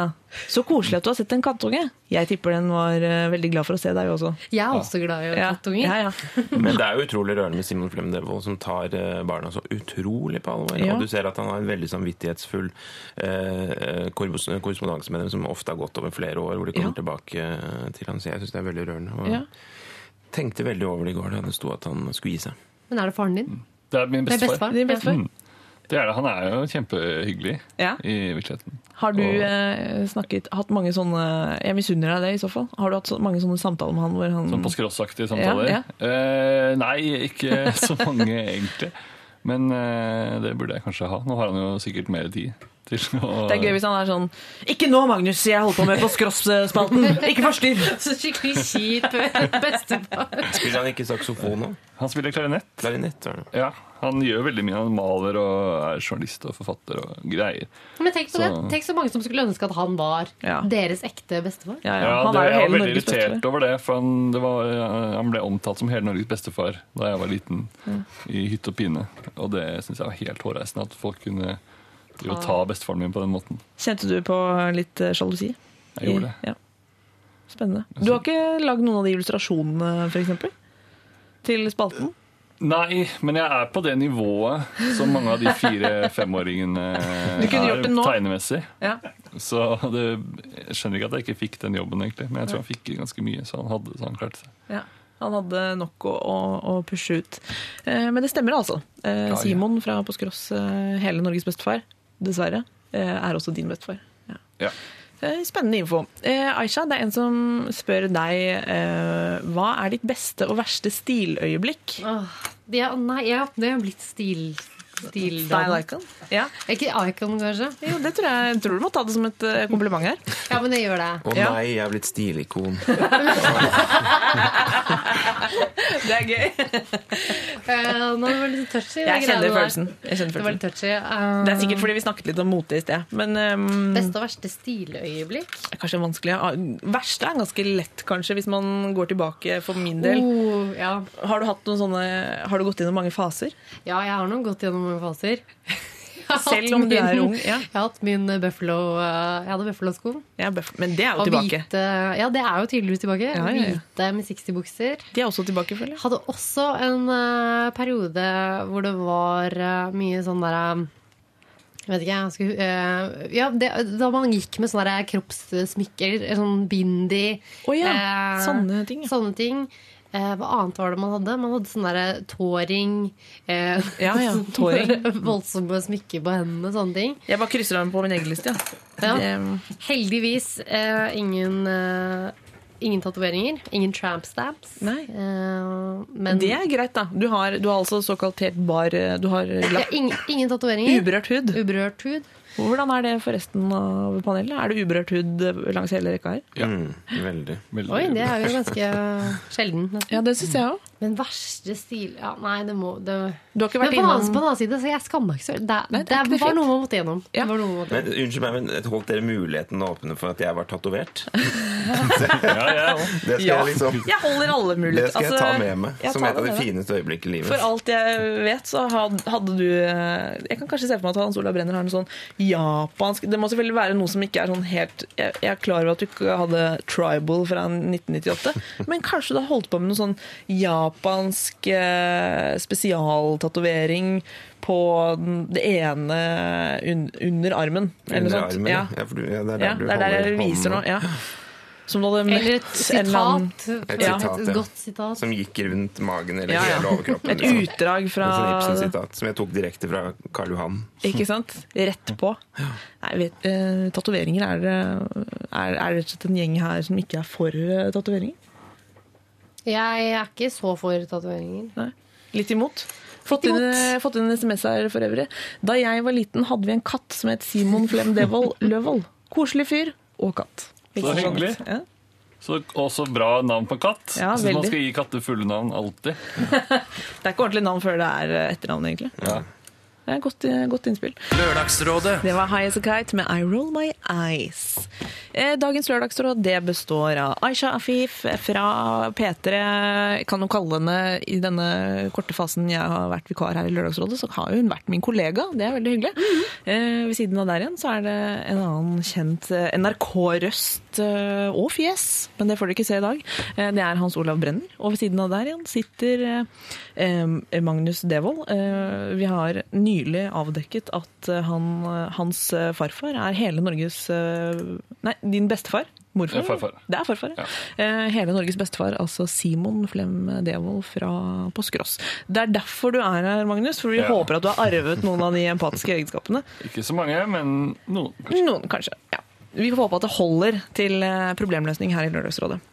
Vi skal gå i gang med et problem som er eh, jeg vil si litt omfattende, men eh, han har definitivt sendt inn eh, på lralfakrøll.nrk.no, for han, han hadde behov for å greie litt ut. Jeg kan kjapt på en måte oppsummere litt. Jeg skal ikke lese alt, men det er Kenneth som er vår mann, og han har rotet seg bort et problem med en jente vi kan kalle Marte. Og her, Han forklarer situasjonen. Eh, altså, Han har flørtet med en jente på nettet. De bor cirka tre, eh, de har funnet ut at de bor ca. tre timer unna hverandre. Mm, hun eh, har hund, derfor er det litt vanskelig å reise på sånne spontane turer. Men stemningen er god. De eh, blir enige om at de skal møtes. Hun skal komme på besøk i huset hans en fredagskveld. Oh la la, sier jeg nå. Helgen nærmer seg. Vår mann blir overtalt av venner til å dra på festival de dagene før selve møtet. Og han drikker en god del, og da han kommer hjem fredag ettermiddag, bestemmer han seg for å ta en lur, så han kan bli litt freshere til besøket kommer. Og da skriver han Jeg våkner med et rykk, angst og panikk. Så på mobilen, klokken var halv tolv, og hun skulle komme ca. klokken 20. Og på telefonen var det så klart en haug med ubesvarte anrop. Fuck, jeg hadde ikke våknet av at hun hadde ringt. Eh, Hun hadde gitt opp og reist hjem, en tur som tar tre timer altså, og involverer en fergetur. Eh, Kenneth fortsetter. Tonen var så klart alt annet enn god, og hun bare la på telefonen, svarte ikke når jeg ringte. Når jeg ringte igjen. Etter et par veldig beklagende meldinger får jeg egentlig bare beskjed om å ryke og reise, og at hun ikke er interessert i å ha noe mer med meg å gjøre. Jeg svarte at jeg har full forståelse for reaksjonen hennes, og hun har all grunn til å bli sint, og avsluttet med å ønske henne en god helg videre. Dette er det siste vi har hatt av kontakt. Eh, og Kenneth lurer altså på hva han skal gjøre nå. Jeg har jo lyst til å ha kontakt med den jenta, for det er en super jente. I tillegg hadde det vært ok å få rettet opp det sykt dårlige førsteinntrykket jeg hadde gitt. Eh, jeg har vurdert å kjøre hjem til henne, eh, da jeg vet hvor hun bor, sende blomster og eventuelt sende henne penger for bensin og fergebillett osv. Men jeg vet ikke hvor lurt dette her, og, og, og hvor lenge jeg burde vente. Kan dere hjelpe meg? Jeg er litt rådløs. Har et stort ønske om å rette opp i dette, skriver Kenneth. Altså, Kan man rette opp en forsovelse på første date? Hva, hva syns dagens lørdagsråd? Man kan det. Ja, jeg forsover meg veldig mye og klarer noen ganger å rette opp. Gjør det? Ja. Men det er jo ikke til skade. Jeg tror ikke jeg har forsovet meg til noe så sånne ting. Altså, Vi snakker et møte som skulle foregå klokken åtte og halv tolv. Det er en veldig rar tid å forsove seg til å skulle møte noen åtte på kvelden. Ja. Men eh, Det var festivalen som Men jeg blir så irritert på han. Skjerp deg. Du kan ikke dra og være grisebakfull liksom, dagen før. Ja, Skjerp deg. Send blomster. Ikke send en konvolutt med penger for bensin. Du åpner for blomster. Men vet du hva, vi har blomster. Kan Ja. dere mye. Ja, Hvis hun får en svær bukett med liksom, roser på døra Men da da skal den jo- være litt eh, ekstra raus, den buketten. Ja, den ikke noe ferdigkjøpt eh, Mester Grønn-bukett. Jeg, Altså. jeg skal sende så, jeg skal sende så fint kort hvor, det, hvor han eh, vil gjøre det godt igjen. og ta han med ut på en kjempefin middag. Eh, det skal henge med på den rosebuketten. Eh, også, i den kommunen hunden bor. Ja. Så hun slipper å reise tre Ikke noe timer. farge. Det er et viktig poeng. Ja, Hun har jo faktisk hund, så hun kan ikke bare, kan ikke bare slippe alt. Hun kan få den 24-åringen fra i stad til å passe hunden en uke. Å være på love weekend med vår mann. Ja, men Det er litt sånn episk. da. Det må jo være på Vestlandet eller noe sånt. Dette her, da, sikkert Ja. med disse ferjene. Og, og så liksom det tar tid, Man regner i antall timer. Det er ikke noen Ja. sånn andre måter å si det på. Og så, men jeg fikk en idé, og det var at eh, altså Han bør jo for det første ikke begynne å snakke om grunnen til at dette ikke blir noe. Det må legges, du må legge det bak deg. Du må ikke si sånn 'jeg har for vane å sovne'. Liksom bare legge det bak Nei, deg. det kan du faktisk trekke litt du, ned. s- Ja, så du må bare sende en liten pakke, og det som var min idé, var at du må sende en ny fergebillett i, i en pakke sammen med en roman.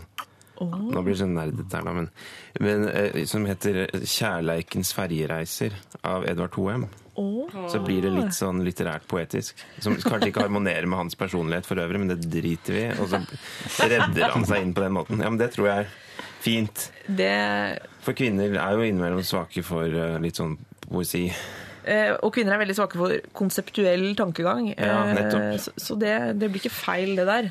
Eh, dere mener at det er håp, altså? altså Han, men han, det han først, hvis jeg hadde vært henne, så ville jeg først og fremst ønsket at han skulle vise at han Han må bevise at han er en skikkelig fyr. Ja. At han ikke bare er en dass, sånn som jeg, for å være helt ærlig, tror at han er. Her jeg sitter i Nå er du veldig hard, Aisha. Ja, men Jo. det blir så sur når hun har reist tre timer, og så so ligger han og sover fordi han var på fylla. Da blir jeg sånn Is this getting personal or something?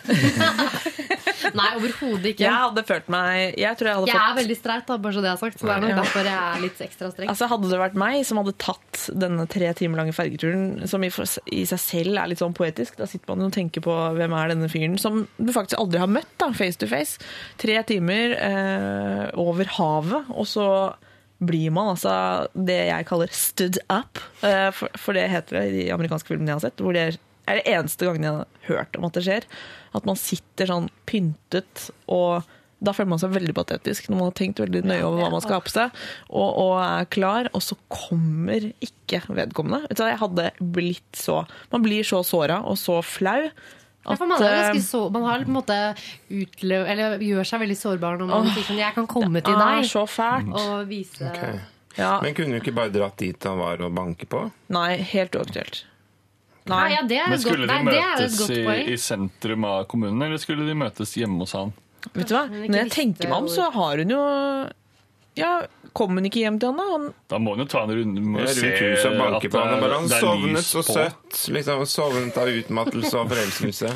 ja, jeg tror hun Jeg tror eh, han skulle møte henne liksom eh, De skulle møtes u- ved huset. Altså, hun visste ikke hvor huset akkurat var. Du må spørre Altså, naboen, da. hun hadde ingen sjanse for å finne ah, ut hvor ja. Så det var en grunn til det. Slå opp i, i Det var, eh, telefonkatalogen. Ja, det var produsent Jonas som har eh, finlest brevet og kom med viktig informasjon der. Det er greit å ha med seg. Jeg syns hun kunne lagt seg litt mer i selen Ja, for å finne ut hvor han holdt til. Kanskje han eh, var, hadde kommet til en ulykke. Kanskje det hadde skjedd noe Ble hun ikke der Det er morsomt at den mannlige delen av Lørdagsrådet nå på en måte legger litt sånn skyld over på den stakkars kvinnen Ja, men jeg som syns dere gikk i sånn offermodus med en gang. Du har tatt ferje! Du har tre timer! Det verste dere kunne tenke dere.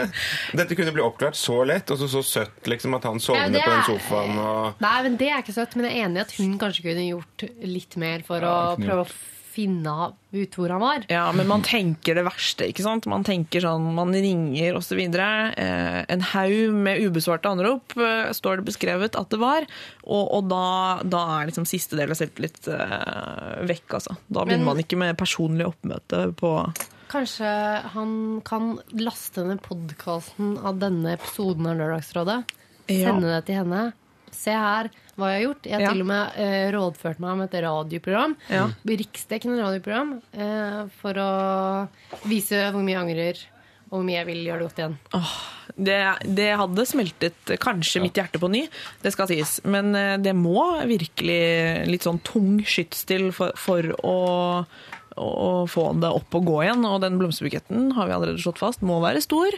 Det bør også vedlegges en roman, ifølge Hans Olav Brenner, eh, av Edvard Hoem. Og en USB-penn med podkasten. Og en USB-penn av podkasten. Tilgivelsespakka. Ja. Og hvis hun ikke tar den tilgivelsespakka, da er jeg tilbake på Kenneths parti. Da kan du ta ferga tilbake der du kom fra. ja. Det er Åh, Kenneth. Det er håp, men det krever en sånn en real innsats. Eh, og hvis hun ikke mm, tar Lørdagsrådets tilgivelsespakke til eh, etterretning, så så får du rett og slett gå litt videre ned på den sukkerlista og, og finne en ny å date.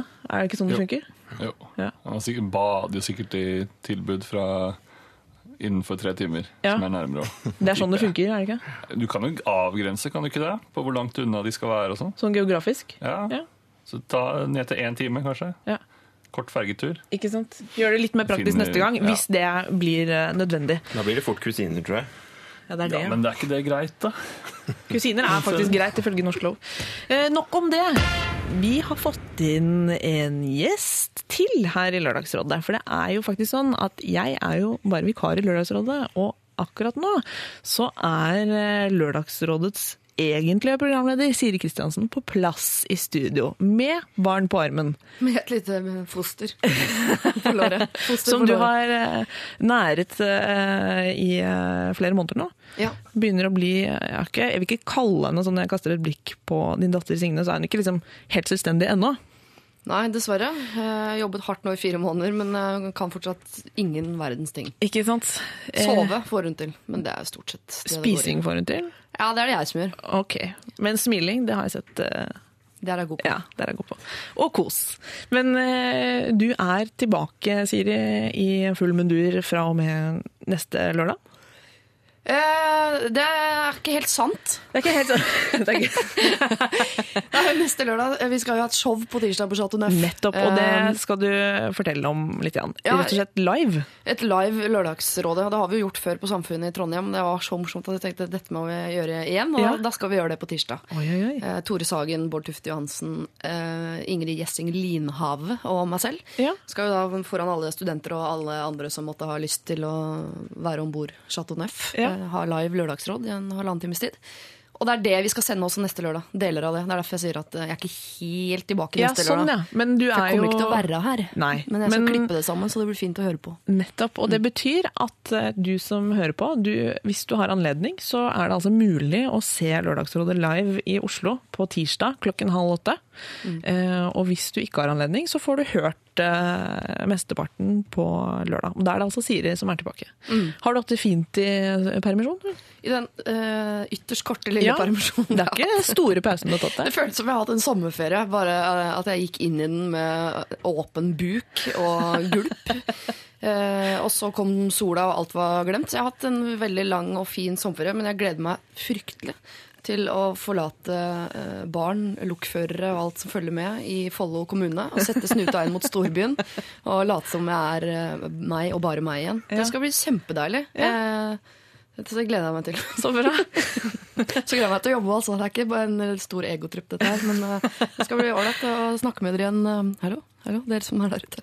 Så det er hyggelig å, å se deg tilbake. Jeg ser, eh, for, for deg som hører på, Siri ser veldig godt ut. Eh, solbrun og eh, ser sånn nydelig uthvilt ut, merkelig nok, etter egentlig å være midt i verste småbarnsfase.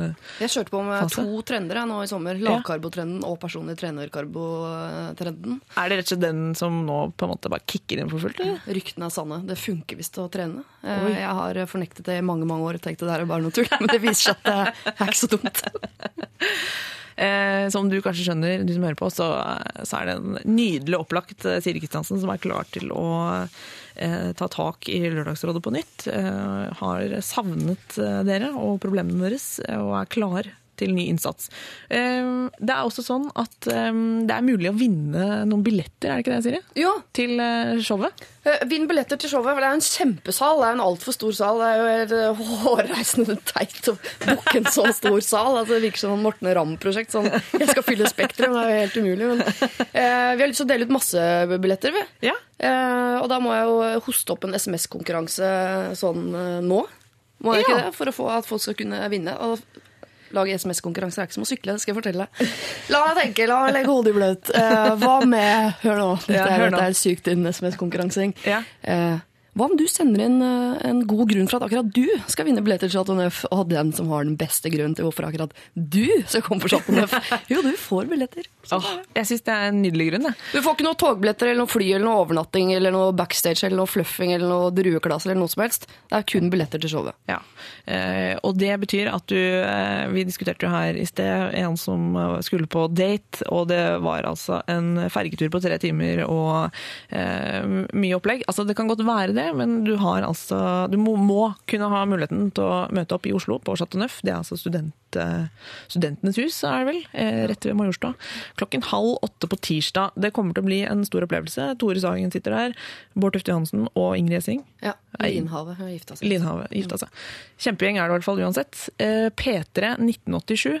Eh, send inn og, og bli belønnet eh, mot slutten av sendingen. Eh, Siri, det var veldig hyggelig at du var innom. Du varmer opp litt nå, liksom. jeg er skikkelig trist å skulle gå herfra nå, men jeg ser at dere har noe greier gående her. Så det, Men eh, da er det altså fra og med tirsdag er Siri Kristiansen tilbake. Eh, send oss SMS-er og bli belønnet med billett til showet. Her får dere eh, Maja Vik med On It. Det var Madcon og Timbuktu. Det blir jo som en slags vodka Red Bull, tenker jeg. Altså kraftige kraftig saker med, med låta 'Kjøre på'. Eh, Dagens lørdagsråd, har, hvis du har skrudd på akkurat nå, så består det av eh, Aisha Afif eh, her fra P3 og eh, Magnus Devold, komiker som du kanskje har sett på f.eks. VGTV eller dukket opp i Ylvis-programmet, og Hans Olav Brenner. Mannen som eh, sitter i en bil og snakker med kjente folk, eh, med fine, fine pauser imellom, hvor man får liksom følt litt på det. Eh, her kommer et problem fra, fra noen som eh, Ja, apropos låta vi akkurat hørte, de, de kjører på. Eh, vi er en festglad vennegjeng og inviterer ofte til fest. Smilefjes. I det siste har vi begynt å irritere oss over det ene paret som aldri har fest hos seg selv, noe vi syns er litt urettferdig. Kan de bli fornærmet dersom vi sier dette rett ut? Hvordan kan vi beholde vennskapet, men samtidig få slutt på denne festsnyltingen? Eh, hilsen Kim. Det syns jeg man kan si ganske rett ut. Ja. Jeg syns det er ting man kan si. I hvert fall når de har eh, Eh, jo, men la oss sette det Hvis man på en måte eh, det, ja, Skjevfordeling av eh, arrangør-gjest-rollen, er det noe man kan kjenne seg igjen i? Ja, Dette er jo voksenlivets ABC, holdt jeg på å si. Dette Ja, er det er veldig det? vanlig. Ja. Så Hvis man skal ergre seg over manglende gjengjeldelse Altså Mm. Hvis man selv er et festlig menneske som inviterer til fest eller middag, Mm. eller hva det nå enn er, eh, og du ergrer deg over de som aldri ber deg tilbake, så må, da blir det mye ergre- ergrelser etter hvert. altså. Ja, men jeg skjønner ikke hva som er er, er det det at de har fester, men ikke inviterer de andre? Eller er det at de, De bare aldri fester. har fest? Ja, men er, Det er jo deres valg. Ja. Og det er også de de andre sitt valg å ha fest. Ja. Altså, jeg syns Ja, også at de er, ja, at de er litt overfølsomme. Denne festsnyltingen. Syns det var litt pubertalt. Det, Ja, det var kanskje Ja, det er- litt eh, ja. Hvis, de Men, har, men hvis de har eh, veldig pubertale fester hvor det er så mye som blir ødelagt, og sånn, og det går alltid utover Ja. noen sitt hus Ja, det er sant. Hvis vi er på den, det nivået. ja, hvorfor skal eh, vi bare ødelegge hos ja. oss, ja? Når vi først må ødelegge hver gang Litt vi sånn damage control, rett og slett. Altså at man må fordele eh, kostnadene på knust, knust porselen. Nei, men, ja, men altså, Aisha, du mener at man ikke kan ha en sånn Du kan ikke kreve en fest, at noen skal arrangere en fest tilbake. Man kan ikke det? Jeg syns man kan ikke kreve det, men man kan Jeg syns det bør syns alle bør ha fester innimellom. Hvis du alltid blir invitert i middagsselskap, da føler du deg aldri forpliktet til å arrangere en middag tilbake? Ja, men middagsselskap er noe annet enn å ha en fest hvor det kommer masse mennesker. Ja, okay, okay. Man vet jo aldri hva som kan være årsaken til at noen ikke vil Poenget Nei. er bare at det er ikke noe, det er ikke noe menneskerett å øh, skulle komme på fest til folk. Liksom. Men Men da kan du kanskje risikere at du ikke alltid blir bedt, da. Hvis man aldri gir en gjenytelse. Eller er det for er en hardt? fest, lurer jeg på? Altså, fordi jeg er bedt på fest i kveld, så jeg er Ja. veldig spent på det. For jeg føler jeg ikke har vært på fest mange ganger. For det er alltid liksom middag, eller Ja. Det er liksom så mye servering på Ja. de tingene jeg er. Ja. Men i kveld tror jeg det er sånn ordentlig fest. Oi, det er spennende. Så da er jeg spent på å se hvordan det er, og om det er noe jeg føler at jeg må gjengjelde. Hvordan forbereder du deg? Nei, jeg må vel kjøpe inn drikke Ja, ja, ja. og sånn etter at jeg har vært her, da. Kanskje Ha noen med drinkmikser og Ja, litt sånn Du må ha noen klirrende poser. Og så må jeg ikke bli trøtt, for det kan man ikke bli på fest. Nei. Ja, men ifølge, ikke sant? For ifølge de som har sendt inn melding, så da skylder jo plutselig du en fest. eh, Ja, det er hvis du får komme Det er på den festen. Da skylder alle de kanskje 30 som kommer, da, skylder en fest. Da blir det veldig mye festing. Ja, men hvis man er en festglad vennegjeng, så er man jo avhengig av at, eh, at det blir arrangert eh, festlige lag. Um, Ja, men Festglad vennegjeng. Det er sånn, ok, jeg, Hvis jeg var med den gjengen, så bare Å, jeg visste ikke at vi plutselig er det det vi er nå. Ja. Vi er ikke venner, vi er en festglad vennegjeng. Må ha fest hele tiden. kanskje man, Og hvis kanskje jeg ikke jeg har fest, så er jeg en festsnylter. Er det, Nei, det, jeg, det er det dummeste jeg har hørt. ja, er det festpress, rett og slett, vi ser eh, tilløp til her? Det, ja, det blir jo det. Ja. Men de, de kan jo ikke være for mange på de Det virker ikke som Da må det være sånn åtte stykker da, i den vennegjengen som har sånn. fester med seg selv. Og så er det kanskje to av de som ikke har fest. Det, Det kan er ikke åpenbart være det ene paret som aldri har fest hos seg selv. Noe som blir litt urettferdig etter hvert. Ja, eh, vi får eh, Det ville kostet dem så lite, liksom, ligger det under Ja. her. Fordi at eh, Hvis man har fest, så trenger man ikke ha stoler til alle. Nei. Det er definisjonen. Okay. I hvert fall Hvis de er ganske unge, så er det jo Man har jo ingenting. Man har jo bare et par stoler og en sofa. Og, Mm. Ja, Hvor gamle var de? liksom- Jeg kommer ikke fram. Jeg håper det ikke er 37, liksom. Ja, for da Da må, da må festen legges ned snart. Uh, ok, men eh, dagens lørdagsråd Aisha mener at man ikke kan uh, kreve fester tilbake. Uh, mens Hans Olav og Magnus er liksom åpne for at Nei, jeg er litt gjensidig Ok. Jeg er litt på det andre laget. Jeg syns i hvert fall de kan ha noe. Jeg er også litt det, fordi det jeg vet av min egen vennegjeng, er at man av og til ender opp med at noen er sånn eh, Særlig ja, litt sånn jenter i gjengen som er sånn Ja, men jeg kan ha nyttårsaften, eller jeg tar den økta der, liksom, med de store samlingene. Og så kan man kanskje se at det er en litt, et lite løft eh, hver gang, men eh, andre kanskje ikke har foreslått det noen gang. Men Man kan ikke bli sur for det, men man kan kanskje gå litt sånn, bli litt sånn sliten av det, eller hva? Jeg synes det, det er unødvendig å ergre seg over det og kalle dem for festsnyltere. For jeg tror Ja. ikke intensjonen deres er bare sitter sånn og gnir seg i hendene på søndag og bare he-he, der dodja vi den festen hjemme Ja. hos oss. Liksom. Andre er årsaker. Ja, nei, men det bare, kanskje de bare ikke Ja, kanskje ikke har plass. Kanskje de er hoarders Mm. eh, og har uh, masse søppel i leiligheten sin. Eh, man vet Ja, aldri. og da vil du faktisk ikke komme dit på besøk heller, hvis det hvis det er det det er snakk om. Hvis, det er, hvis de er normale mennesker, kan de i hvert fall ha et vors. da. Ja, ha Som en da. mellomting. At hvis de ikke har plass, så er jo det greit. Men de kan i hvert fall ha vors. Magnus Devold, du har jo faktisk eh, spesialkompetanse på festing. Hvordan føler du det har vært rundt om i Norge? Er det forplikter fest, fest eh, og altså gjenytelser av fest? Er det noe man ser rundt om i landet? Ja, Først har jeg fest, så kanskje du neste gang. Jeg tror det er mange som har sånn festbuler og sånn, som er liksom alltid det samme Ja. stedet man fester på. Foreldrene er mye borte, eller stor kjellerstue eller noe sånt, og da er det alltid der man drar, liksom. Kjellerstue Ja, er jo noe det sant. er jo, ja, det er jo en institusjon i Ja. alles ungdom. Er jo den ene personen som har den kjellerstuen. Hvor er sant, alle er. Alltid. Kjellerstue er jo på en Det måte er alltid noen som har. Du kan ikke kreve at Det er jo rent bygningsteknisk. Du kan ikke kreve at andre skal ha kjellerstue. Jeg trodde kanskje kjellerstua var litt faset ut, sånn på linje med, Jeg med har vannsengen. kjellerstue faktisk nå. Har du det? Ja, der jeg bor. perfekt. Men vi har ikke hatt fest i Men den. bor du i kjellerstuen? Eller er det en del av leiligheten?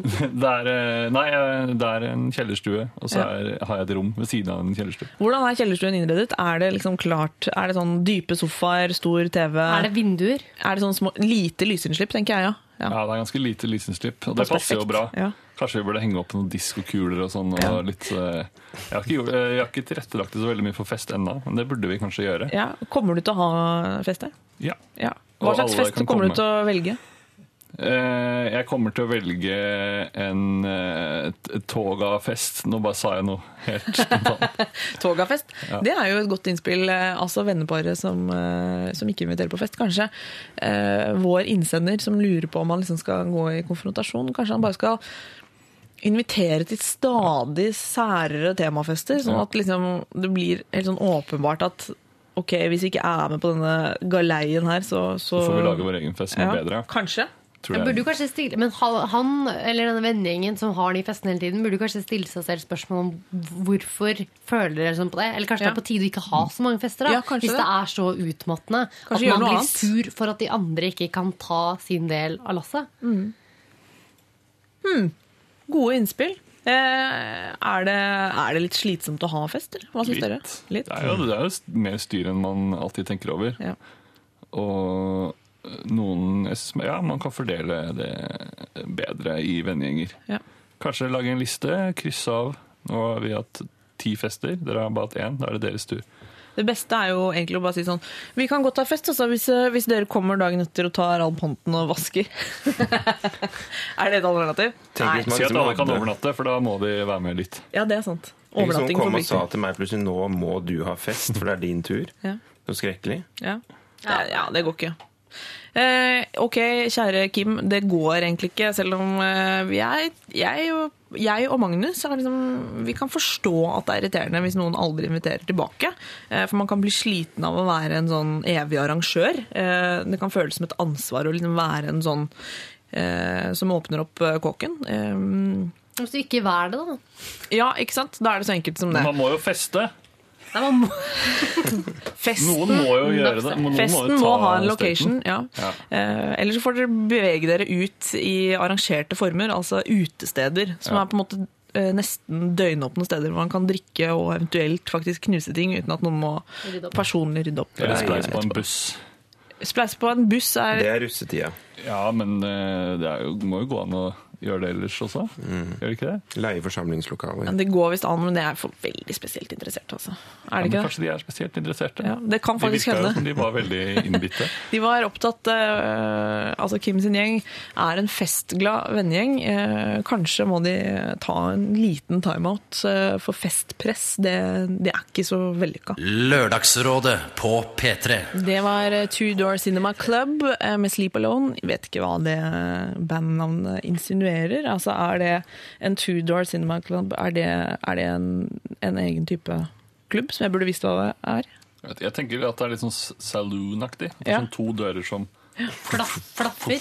ja. Ja. Jeg tenker at det er noe jeg burde skjønt, da. Og da blir jeg alltid litt irritert hvis, hvis det skal være på den måten. Det, jeg tror at det er en inngangsdør og en utgangsdør. At det er sånn som vanlige kinosaler. ja, helt vanlig kinosal. Men dette er- men hvis eh, vi skal snakke om irriterende bandnavn Ja. Eh, For dette er en ny låt på P3s Ja, kul låt, kul låt, kul låt. Ja, men så er det, en ny, det er enda en ny låt eh, fra et band som kaller seg Alt J. Men det er ikke det ekte bandnavnet. For det ekte bandnavnet er det symbolet du får når du trykker Alt J på Ikke på dataen din, men på Mac-en din Oi, i et oi, eget oi. program. Nei, For da dukker det opp et, en slags prisme. Og navnet på det, det er bandet. Dette er kødd. Dette er. Det blir som å liksom, på en måte gi en gave altså, Det er litt sånn denne karamellen pakket inn i en sånn kjempestor Playmoes-eske. Det er ikke så kult eh, når du, når du pakker den opp. På det, sett. Det er en fin, det er en fin låt, da. Det er en fin låt. Det hjelper litt. Grann. Ja. Eh, ikke så bra bandnavn. Vi skal diskutere litt grann her, eh, Hans Olav Brenner og Magnus Devold og Aisha Afif. Eh, Det handler om sosiale medier versus det virkelige liv.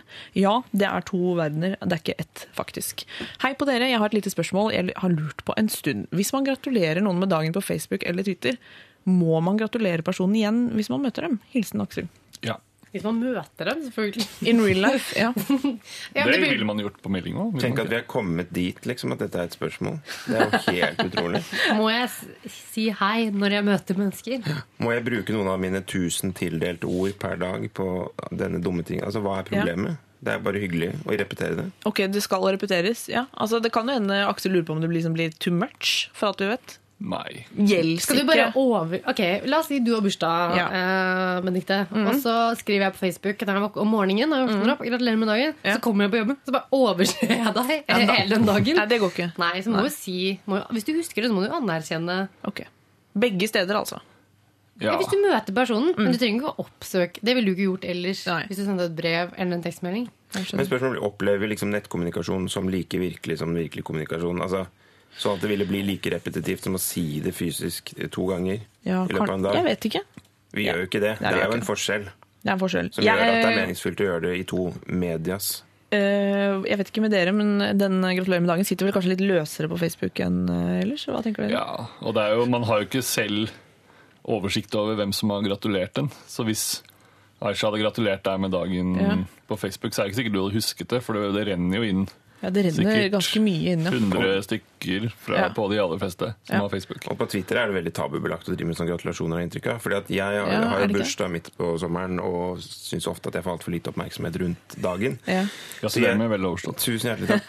20. juli. Så jeg hadde en sånn idé om at jeg skulle snike inn opplysning om at jeg hadde bursdag, ved å si i dag er Twitter-kontoen min et år gammel, for jeg fikk den i bursdagsgave året før. Så jeg det skulle være litt finurlig, men da sykte jeg ut på det, for det går ikke an å begynne å snakke om bursdag på Twitter. jo, Gjorde du det? Nei, jeg gjorde det Ja, ikke. Ja, for det hadde vært- Satt det rynket skikkelig på Ja, det hadde vært ille.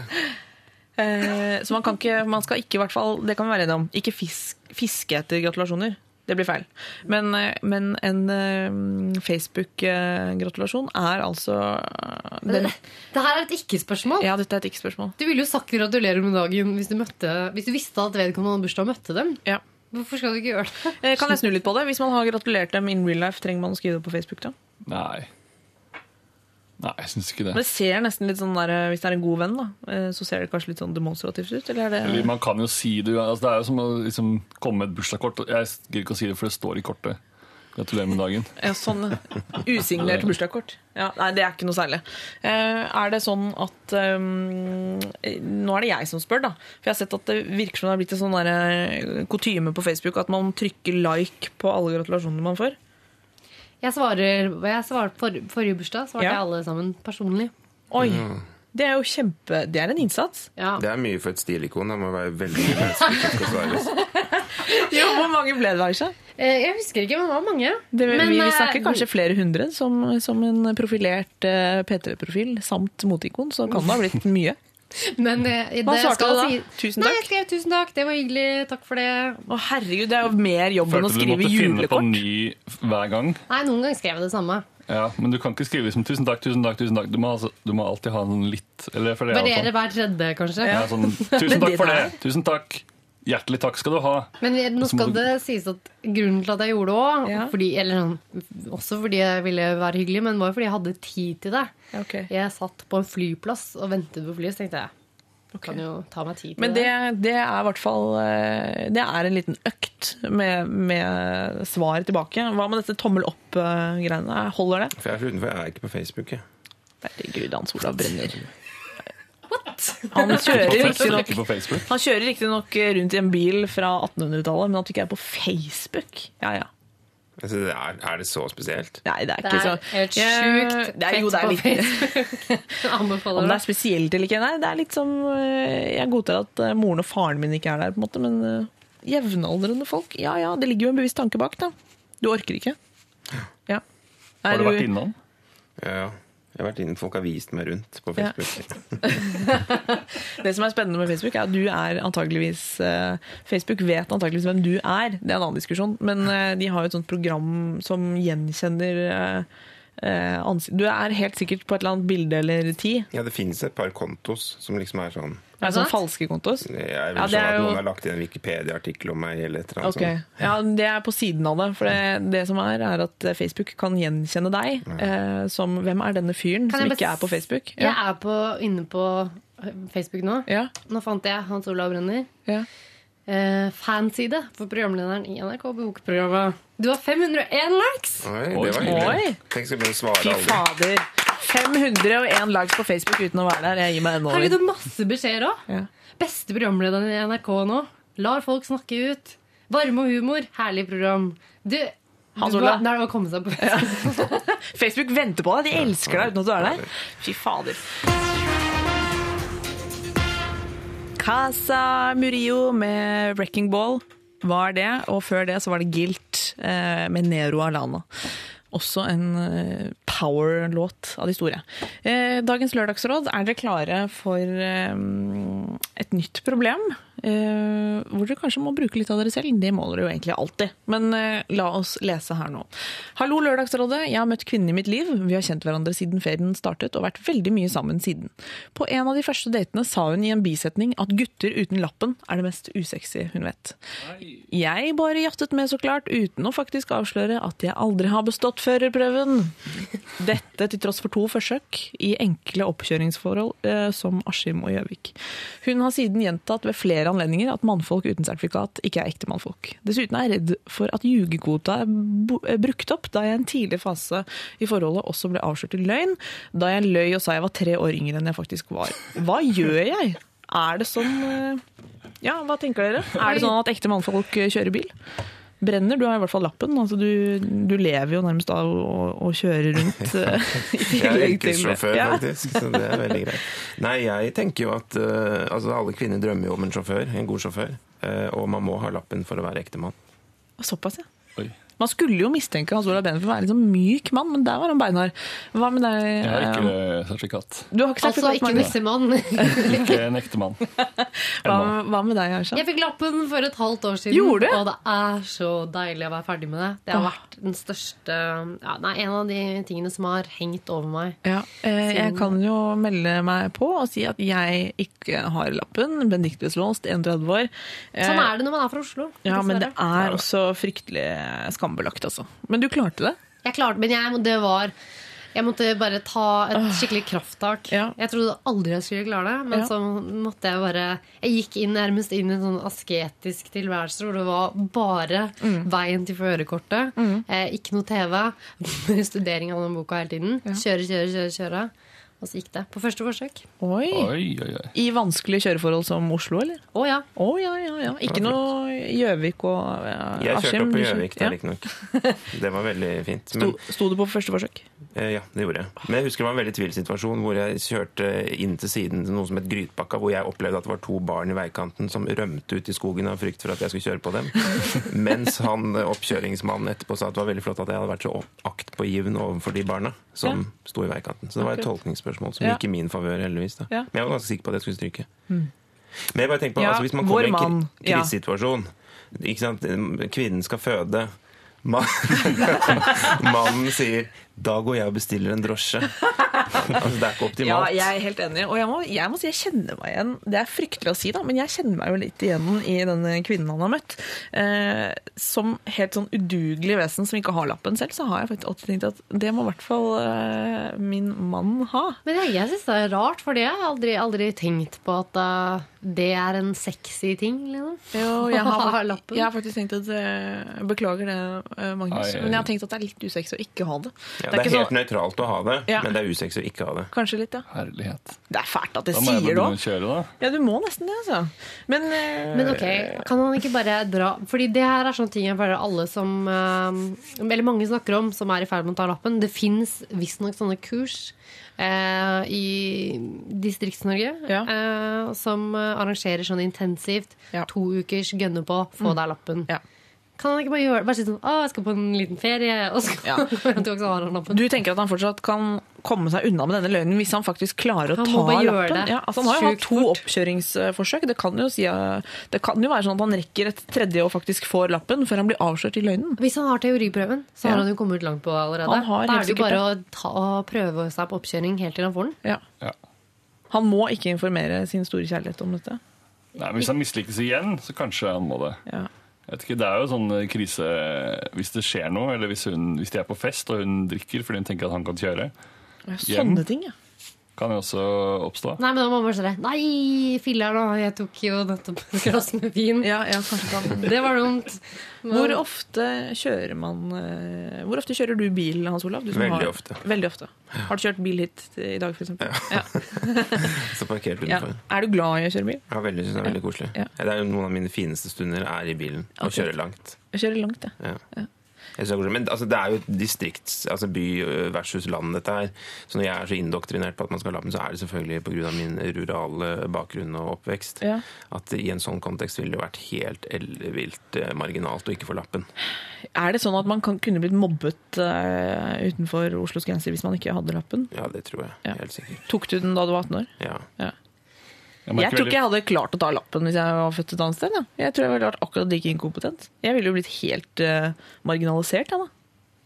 Altså Hvis jeg var født og oppvokst på Gjøvik og ikke tok lappen eh, med en gang. Men hvis disse to er ment for hverandre Jeg, jeg bare kan ikke se for meg at hun, når hun fin, hvis hun finner ut av det her, da, skal si sånn Ok, da er det over liksom med en gang. Nei.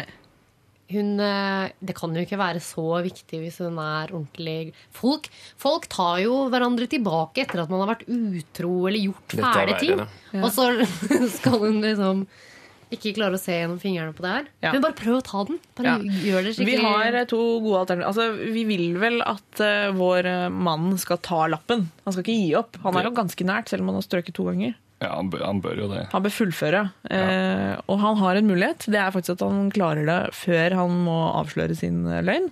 Eh, og hvis han ikke gjør det, la oss si det sånn da. Hvis han ikke klarer å ta lappen på tredje forsøk, så må han faktisk informere eh, denne drømmedama om at han ikke har lappen. Jeg synes det. Og hvis hun da reagerer med sjokk og vantro, som det heter, eh, så, så får han rett og slett bare godta at hun ikke var drømmedama. Er det ikke litt sånn, da? Ja, men, ja, for, og da, kan han, da har han fripass til å spre rundt at uh, hun dumpa meg fordi jeg ikke hadde lappen. Ja. Som strengt tatt ikke liksom klinger så veldig godt. Men han, han har, hvis han løy om at han var tre år yngre enn han var, og han Ja, virker som han jo- sier ganske mye rart da, for å imponere, han har sikkert enda mer også på samvittigheten. Ja. Kanskje han er en, ljuge, altså en ljugepave. Det er ikke bra. Mm. Nei. Eh, vår mann som lyver om lappen, han lyver også om alderen. Det, er- det er kanskje et større problem, eller? Ja, for Ja. den er vanskelig å liksom, forklare. Da. Ja, da kan det hende at eh, det blir for mye for hans drømmedame å, å prosessere, rett og slett. Lyving om lappen og alder eh, kan bli mye. Så det er mulig løpet er kjørt, altså. Det ble en blindvei å begynne å snakke om lappen sånn eksklusivt, for det Ja. var jo andre Ja. ting som var mer iøynefallende her. Men jeg tror kanskje, jeg vet kanskje han ville tenkt litt som ok, når han løyt om alderen sin, Ja. han har løyt om at han har lappen. Ja. Hva mer mer skjuler han? Ja. Hvilke andre skjeletter har han i skapet? Det vet jo strengt tatt ikke vi i. Lørdagsrådet heller. Men det er jo rart hvis han har en mye drøyere hemmelighet som han har løyet. Så han har løyet om at foreldrene hans er døde, liksom. Ja. Og så er det det her han velger å rådføre seg med også. Ja, det er pussig. Og hun bare Du har ikke lappen her, så du har kanskje ikke gått på Kilimanjaro heller, da. Så det kan være en hel del som er sagt i den første fasen, men det Ja. kan jo være litt søtt og artig, Ja, mye å bevise ja, nå. ja, ja. Alle lyver litt i begynnelsen av et forhold, gjør de ikke? Jo da. Litt ja. Pynte litt. Er ikke det lov? Eh, Jeg konkluderer med at det er lov, men ikke, ikke liksom lyv og lyv og lyv. Og ta nå den lappen. Da. Ta, ta et råd fra en uten, og, og gjør det. Eh, Det kommer til å lønne seg, og i verste fall så mister du dama, men da kan du kjøre et annet sted og finne en ny. Det er perfekt. Perfekt. Ja. Her får dere The Black Keys med Lonely Boy. La det var Carpe Diem det, med Her. Eh, Det er en eh, hit, eh, to hitmaskiner som har slått hodene sine sammen og pøser ut det jeg vil si er nok en hit fra to tøffe karer. Vi skal i gang med mm, dagens siste problem. Hans Olav Brenner, Magnus Devold og Aisha Afif. Dere har sittet her siden klokken ni og har vridd hodene deres. Og det er faktisk ikke slutt ennå. Nei. Har dere Nå, må dere ta litt sånn puste med magen, for her kommer det noe litt sånn konkret og komplisert, vil jeg si. Hei, Lørdagsrådet skal ha barn nummer fire i slutten av mars 2013. Da huset blir for lite og det er vanskelig å selge, må vi bygge ut. Skal jeg starte Her kommer spørsmålet. Dette er litt sånn byggteknisk, men, men noter gjerne ned. Skal jeg starte med et ekstra bad og la barna sove sammen to på et rom til soverommene er ferdige? Eller skal jeg starte med soverom? Da må fem dele bad til badet blir ferdig. Eldste i barneflokken har nettopp blitt fire år. Starte med soverom eller starte med bad. Ja. Veldig konkret, da. Bad. Bad. Ja. Er bad viktigst? De klarer jo å sove sammen, de ungene. Det er ikke så altfor lenge. Nei. Må barn ha det har jeg tenkt på, må barn ha egne soverom, eller? Nei, Fordi ja, det er ikke det. det er viktigst. Ja, bad er kanskje Det tar lengst tid, sikkert. Men jeg skjønner ikke, kan de, trenger de et ekstra rom? De trenger et ekstra rom, og de trenger bad. Ja, huset er for lite, så eh, vi må bygge ut litt. Igjen. Jeg tror bad, altså Det er mye styr med å bygge bad. Ja. Og Det er sånn membran i gulvet, og så Mhm. varmekabler og søknader. Ja. Ja. Og fasadeendringer. Jeg vet ikke alt man må, jeg, om det var privathus eller hva det var. Men jeg tror også settes hele livet på hodet når du bygger bad. Ja, det er sant. Og det blir støv. Og Ja. bygningsstøv var helt annen, annen Egentlig, karakter. ja, Når man bygger, pusser opp et bad, så ødelegger du på en måte resten av huset. Det er jo rørende at dette mennesket har sittet og hørt på oss og tror at vi har gode svar på dette spørsmålet. Det er bra. Det er tre stykker uten lappen eh, som lurer på om vi skal begynne sånn helt konkret med å, å Det du gjør, da, det er å pigge ut gulvet, og så får du Ja, nei. Slutten av mars eh, 2013, ja. Da blir de Ring plan og bygning og få en litt sånn Nei, jeg ble sliten. Men eh, hvordan vokste dere opp, da? Var det eget soverom til alle sammen? Jeg er enebarn, så jeg hadde Du hadde et palass. palass. Ja. Ikke noe deling Et på noen ting? eget palass i hagen. Hadde du eget bad òg, eller? Eh, nei, vi var Vi er jo tre, da. Jeg og min mor og min far. Vi hadde to bad, så det gikk greit. Ja, men man små barn trenger ikke sitt eget rom, føler jeg. Nei. Nei, jeg hadde ikke eget soverom. Nei, Etter hvert så vil det jo bli et krav om det, men det er det de- jo tid til å områ seg for Ja. å fikse. Da har de tid til å bygge masse bad og soverom. Men er det et, eh, er det et økonomisk spørsmål? Liksom vi må prioritere om Nei, vi skal det virker ha, som en ren Kan vi ikke bare gjøre begge, gjøre begge to med en gang? Oh, ja, sånn, når det først er ille. Ja. Eh, ekstra barn, la barna sove sammen to og to, eller starte ja, Da må fem deler bad. Fem deler bad, er det så krise? Ja, fordi eh, tre av de, eller hva blir det, fire av de barna? Hun skal ha er barn nummer fire. De, de skal jo ikke bruke masse tid på bad og Nei, men de skal skiftes på, og de er ganske krevende, Også. Det er bra å ha fire barn, da. Imponerende. Eh, skal vi si at hun skal starte med, starte med badet, eller? Start med bad. Hvis de har eh, anledning, så bare gjør alt med en gang. Ja. Bli ferdig med det. Det er mer krevende å bygge et bad. Eh, Det har jeg vært med på opptil flere ganger. Og hver gang så tror man at liksom, nå må jeg legges inn, fordi det er så slitsomt. Mm. Men, eh, og og jeg, jeg har ikke gjort det med fire små skrikebarn eh, oppi alt det bygningsstøvet. Nei, Jeg skal gå for det badet. selv, eller? Nei, men det, blir, eh, det er jo i huset. Så det Jeg tror Hvis man er veldig heldig, så reiser man bort mens det badet blir lagd. ja, og så kommer de hjem, og så har de smakt opp noe border. Vet du. Det kan du ikke risikere. Han var tomt for den flysen du Den, den så jeg du var interessert i, men den, den var utsolgt, så vi tok noe som ligna. Det ligner aldri. Nei. Ikke, ikke reis bort under baderomsoppussing. Det er i hvert fall et tips. Og begynn med det baderomsrommet. Herregud, hva Lørdagsrådet eh, finner ut. Ass. Er det noen som trenger juridisk assistanse, så er vi akkurat like kompetente på det. Eh, Eller hvis noen har et sånt helt komplisert medisinsk problem. Jeg tar det på strak arm. Mm. Ja. Eh, Det er P3 1987 som er SMS-adressen vår eh, til de problemene du- du måtte ha. Eller lralfakrøll.nrk.no. er jo, som Hans Olav Brenner kommenterer, litt sånn koselig at vi, at vi får den type problemer eh, sendt inn også.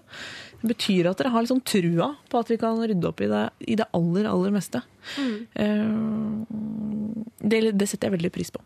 Her får dere Ja, å, herregud, det er jo en av 00-tallets eh, aller, aller beste låter. Jeg vil si kanskje, Uten tvil topp fem. Jeg vil kanskje si eh, topp tre beste låter fra 00-tallet. 'Crazy in Love' med Beyoncé og JC. Lørdagsrådet på P3. Crazy in Love, Beyoncé og JC. Aisha nikket ivrig da jeg dro Ja. på med den låta. Elsker Beyoncé, Ja, elsker JC. Ja. Jeg skulle ønske jeg var Beyoncé. Ja, men for meg er du faktisk eh, NRK Marienlyst eh, Beyoncé. Ja. Ja, bra. Det holder for meg. Da. Ja, og Brenner, hva er ditt forhold til eh, Beyoncé?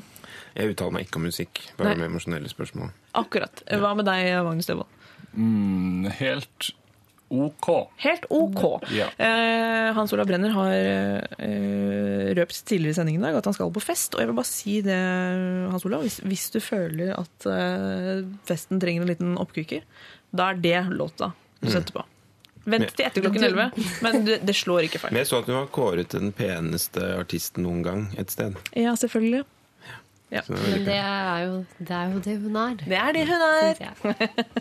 Eh, dere har sendt inn, eh, som dere som hører på, eh, fikk tilbudet om å vinne billetter til Lørdagsrådet Live, som kommer til å foregå på tirsdag på Chateau Neuf her i Oslo by. Eh, da er det Siri Kristiansen som leder rådet igjen, og med seg kommer hun til å ha Tore Sagen og Bård Tufte Johansen kommer til å være der, og Ingrid. Ingrid Gjessing. Eh, Så det blir et superpanel, og det vil altså være live foran publikum. Og dere kan vinne billetter. Vi har fått inn eh, mange som ønsker seg det. Eh, Og dagens lørdagsråd skal plukke ut da de de mener fortjener to billetter til dette showet eh, mest. Skal vi begynne med deg, Magnus? Det kan vi gjerne gjøre, for da får jeg velge først. Ja, du får velge deg en, en SMS. Ja. Eh, Jeg har valgt eh, en som skriver følgende. Jeg fortjener det fordi jeg er ny student, har ikke fått være med på noe gøy fordi jeg har måttet være på jobb. Dessuten har jeg 300 kroner på konto og har ikke råd til å bli med alle vennene mine og se Lørdagsrådet. Ok, det var skikkelig FML. Men jeg har det bra, altså. Bortsett fra at jeg er på jobb at the moment. Please, please gi meg en bill. Sikkert en billett. Ok. Eh, Det har hun eh, da fortjent. Jeg synes det Eh, hun må, Hvis hun jobber, har jobbet så mye, hun må inn i studentmiljøene. Hun må bli kjent med folk. Sosialisere seg. Er kjempeviktig. Er Ellers så kommer det til å bli krise i tre til fem år. Jeg er helt enig. Hva betyr FML? Fuck my life. Å, ja, selvfølgelig. Det burde jeg visst. Nå lærte jeg det. Det er så mange forkortelser. Jeg synes det er så vanskelig å holde styr på. Ok. Eh, Aisha, Ja. hvem er din SMS? eh, Hvem fortjener et par billetter her nå? Jo, det er en jente som heter Julia, som eh, vil gjerne ha billetter til Lørdagsrådet eh, live-sendinga. eh, for hun vil den- ta med seg sin venninne Ingvild, eh, som, har gjort, eh, som sier at hun har to store veivisere i livet som hun følger rådene til slavisk. Oi. Det ene er Oprah Winfrey. Det andre er Lørdagsrådet. Åh. Der har vi jo et generelt tips uh, som jeg anbefaler alle å følge. Ja. Hvis du lurer på hva du skal gjøre, spør deg selv hva ville Lørdagsrådet gjort. Ja. Eller hva ville Oprah ha sagt. Ja, helt enig. Eh, og hun mener også at eh, hun vil være i ekstase når hun får vite at eh, hun skal, skal på det her. Ja. Eh, og mener at det, det er det eh, At det ultimate i livet er oppnådd for denne venninnen. Men herregud, det er klart hun skal ha billett. Og så syns jeg det er deilig å bli sammenlignet med Oprah. Eller jeg syns det er litt Ja, det syns jeg. gir Altså, en tyngde til Lørdagsrådet. Da. Ja, et stereoopptak eh, på Getboxen akkurat nå, og det er den uh, Opera Behind the Scenes. Vet ikke om dere har sett det? Jo, det er gøy. Ja, det er gøy, ass. For en dame. Hun er streng. Ja, hun er beinhard, men det er da det blir bra. Eh, Hans Olav Brenner, har du eh, noen Ja. du skal um, skjenke Ja. to billetter? Mitt kalde hjerte tinte da jeg leste denne. Har lyst til å ha datteren min, som elsker å høre på programmet. Jeg skjønner ikke helt den setningen, men vil overraske henne. Okay, det er en altså en mor mor. som vil overraske en Ja. datter. Så rørende.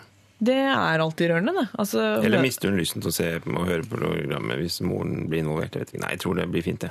Det må nesten de rydde opp i. Altså.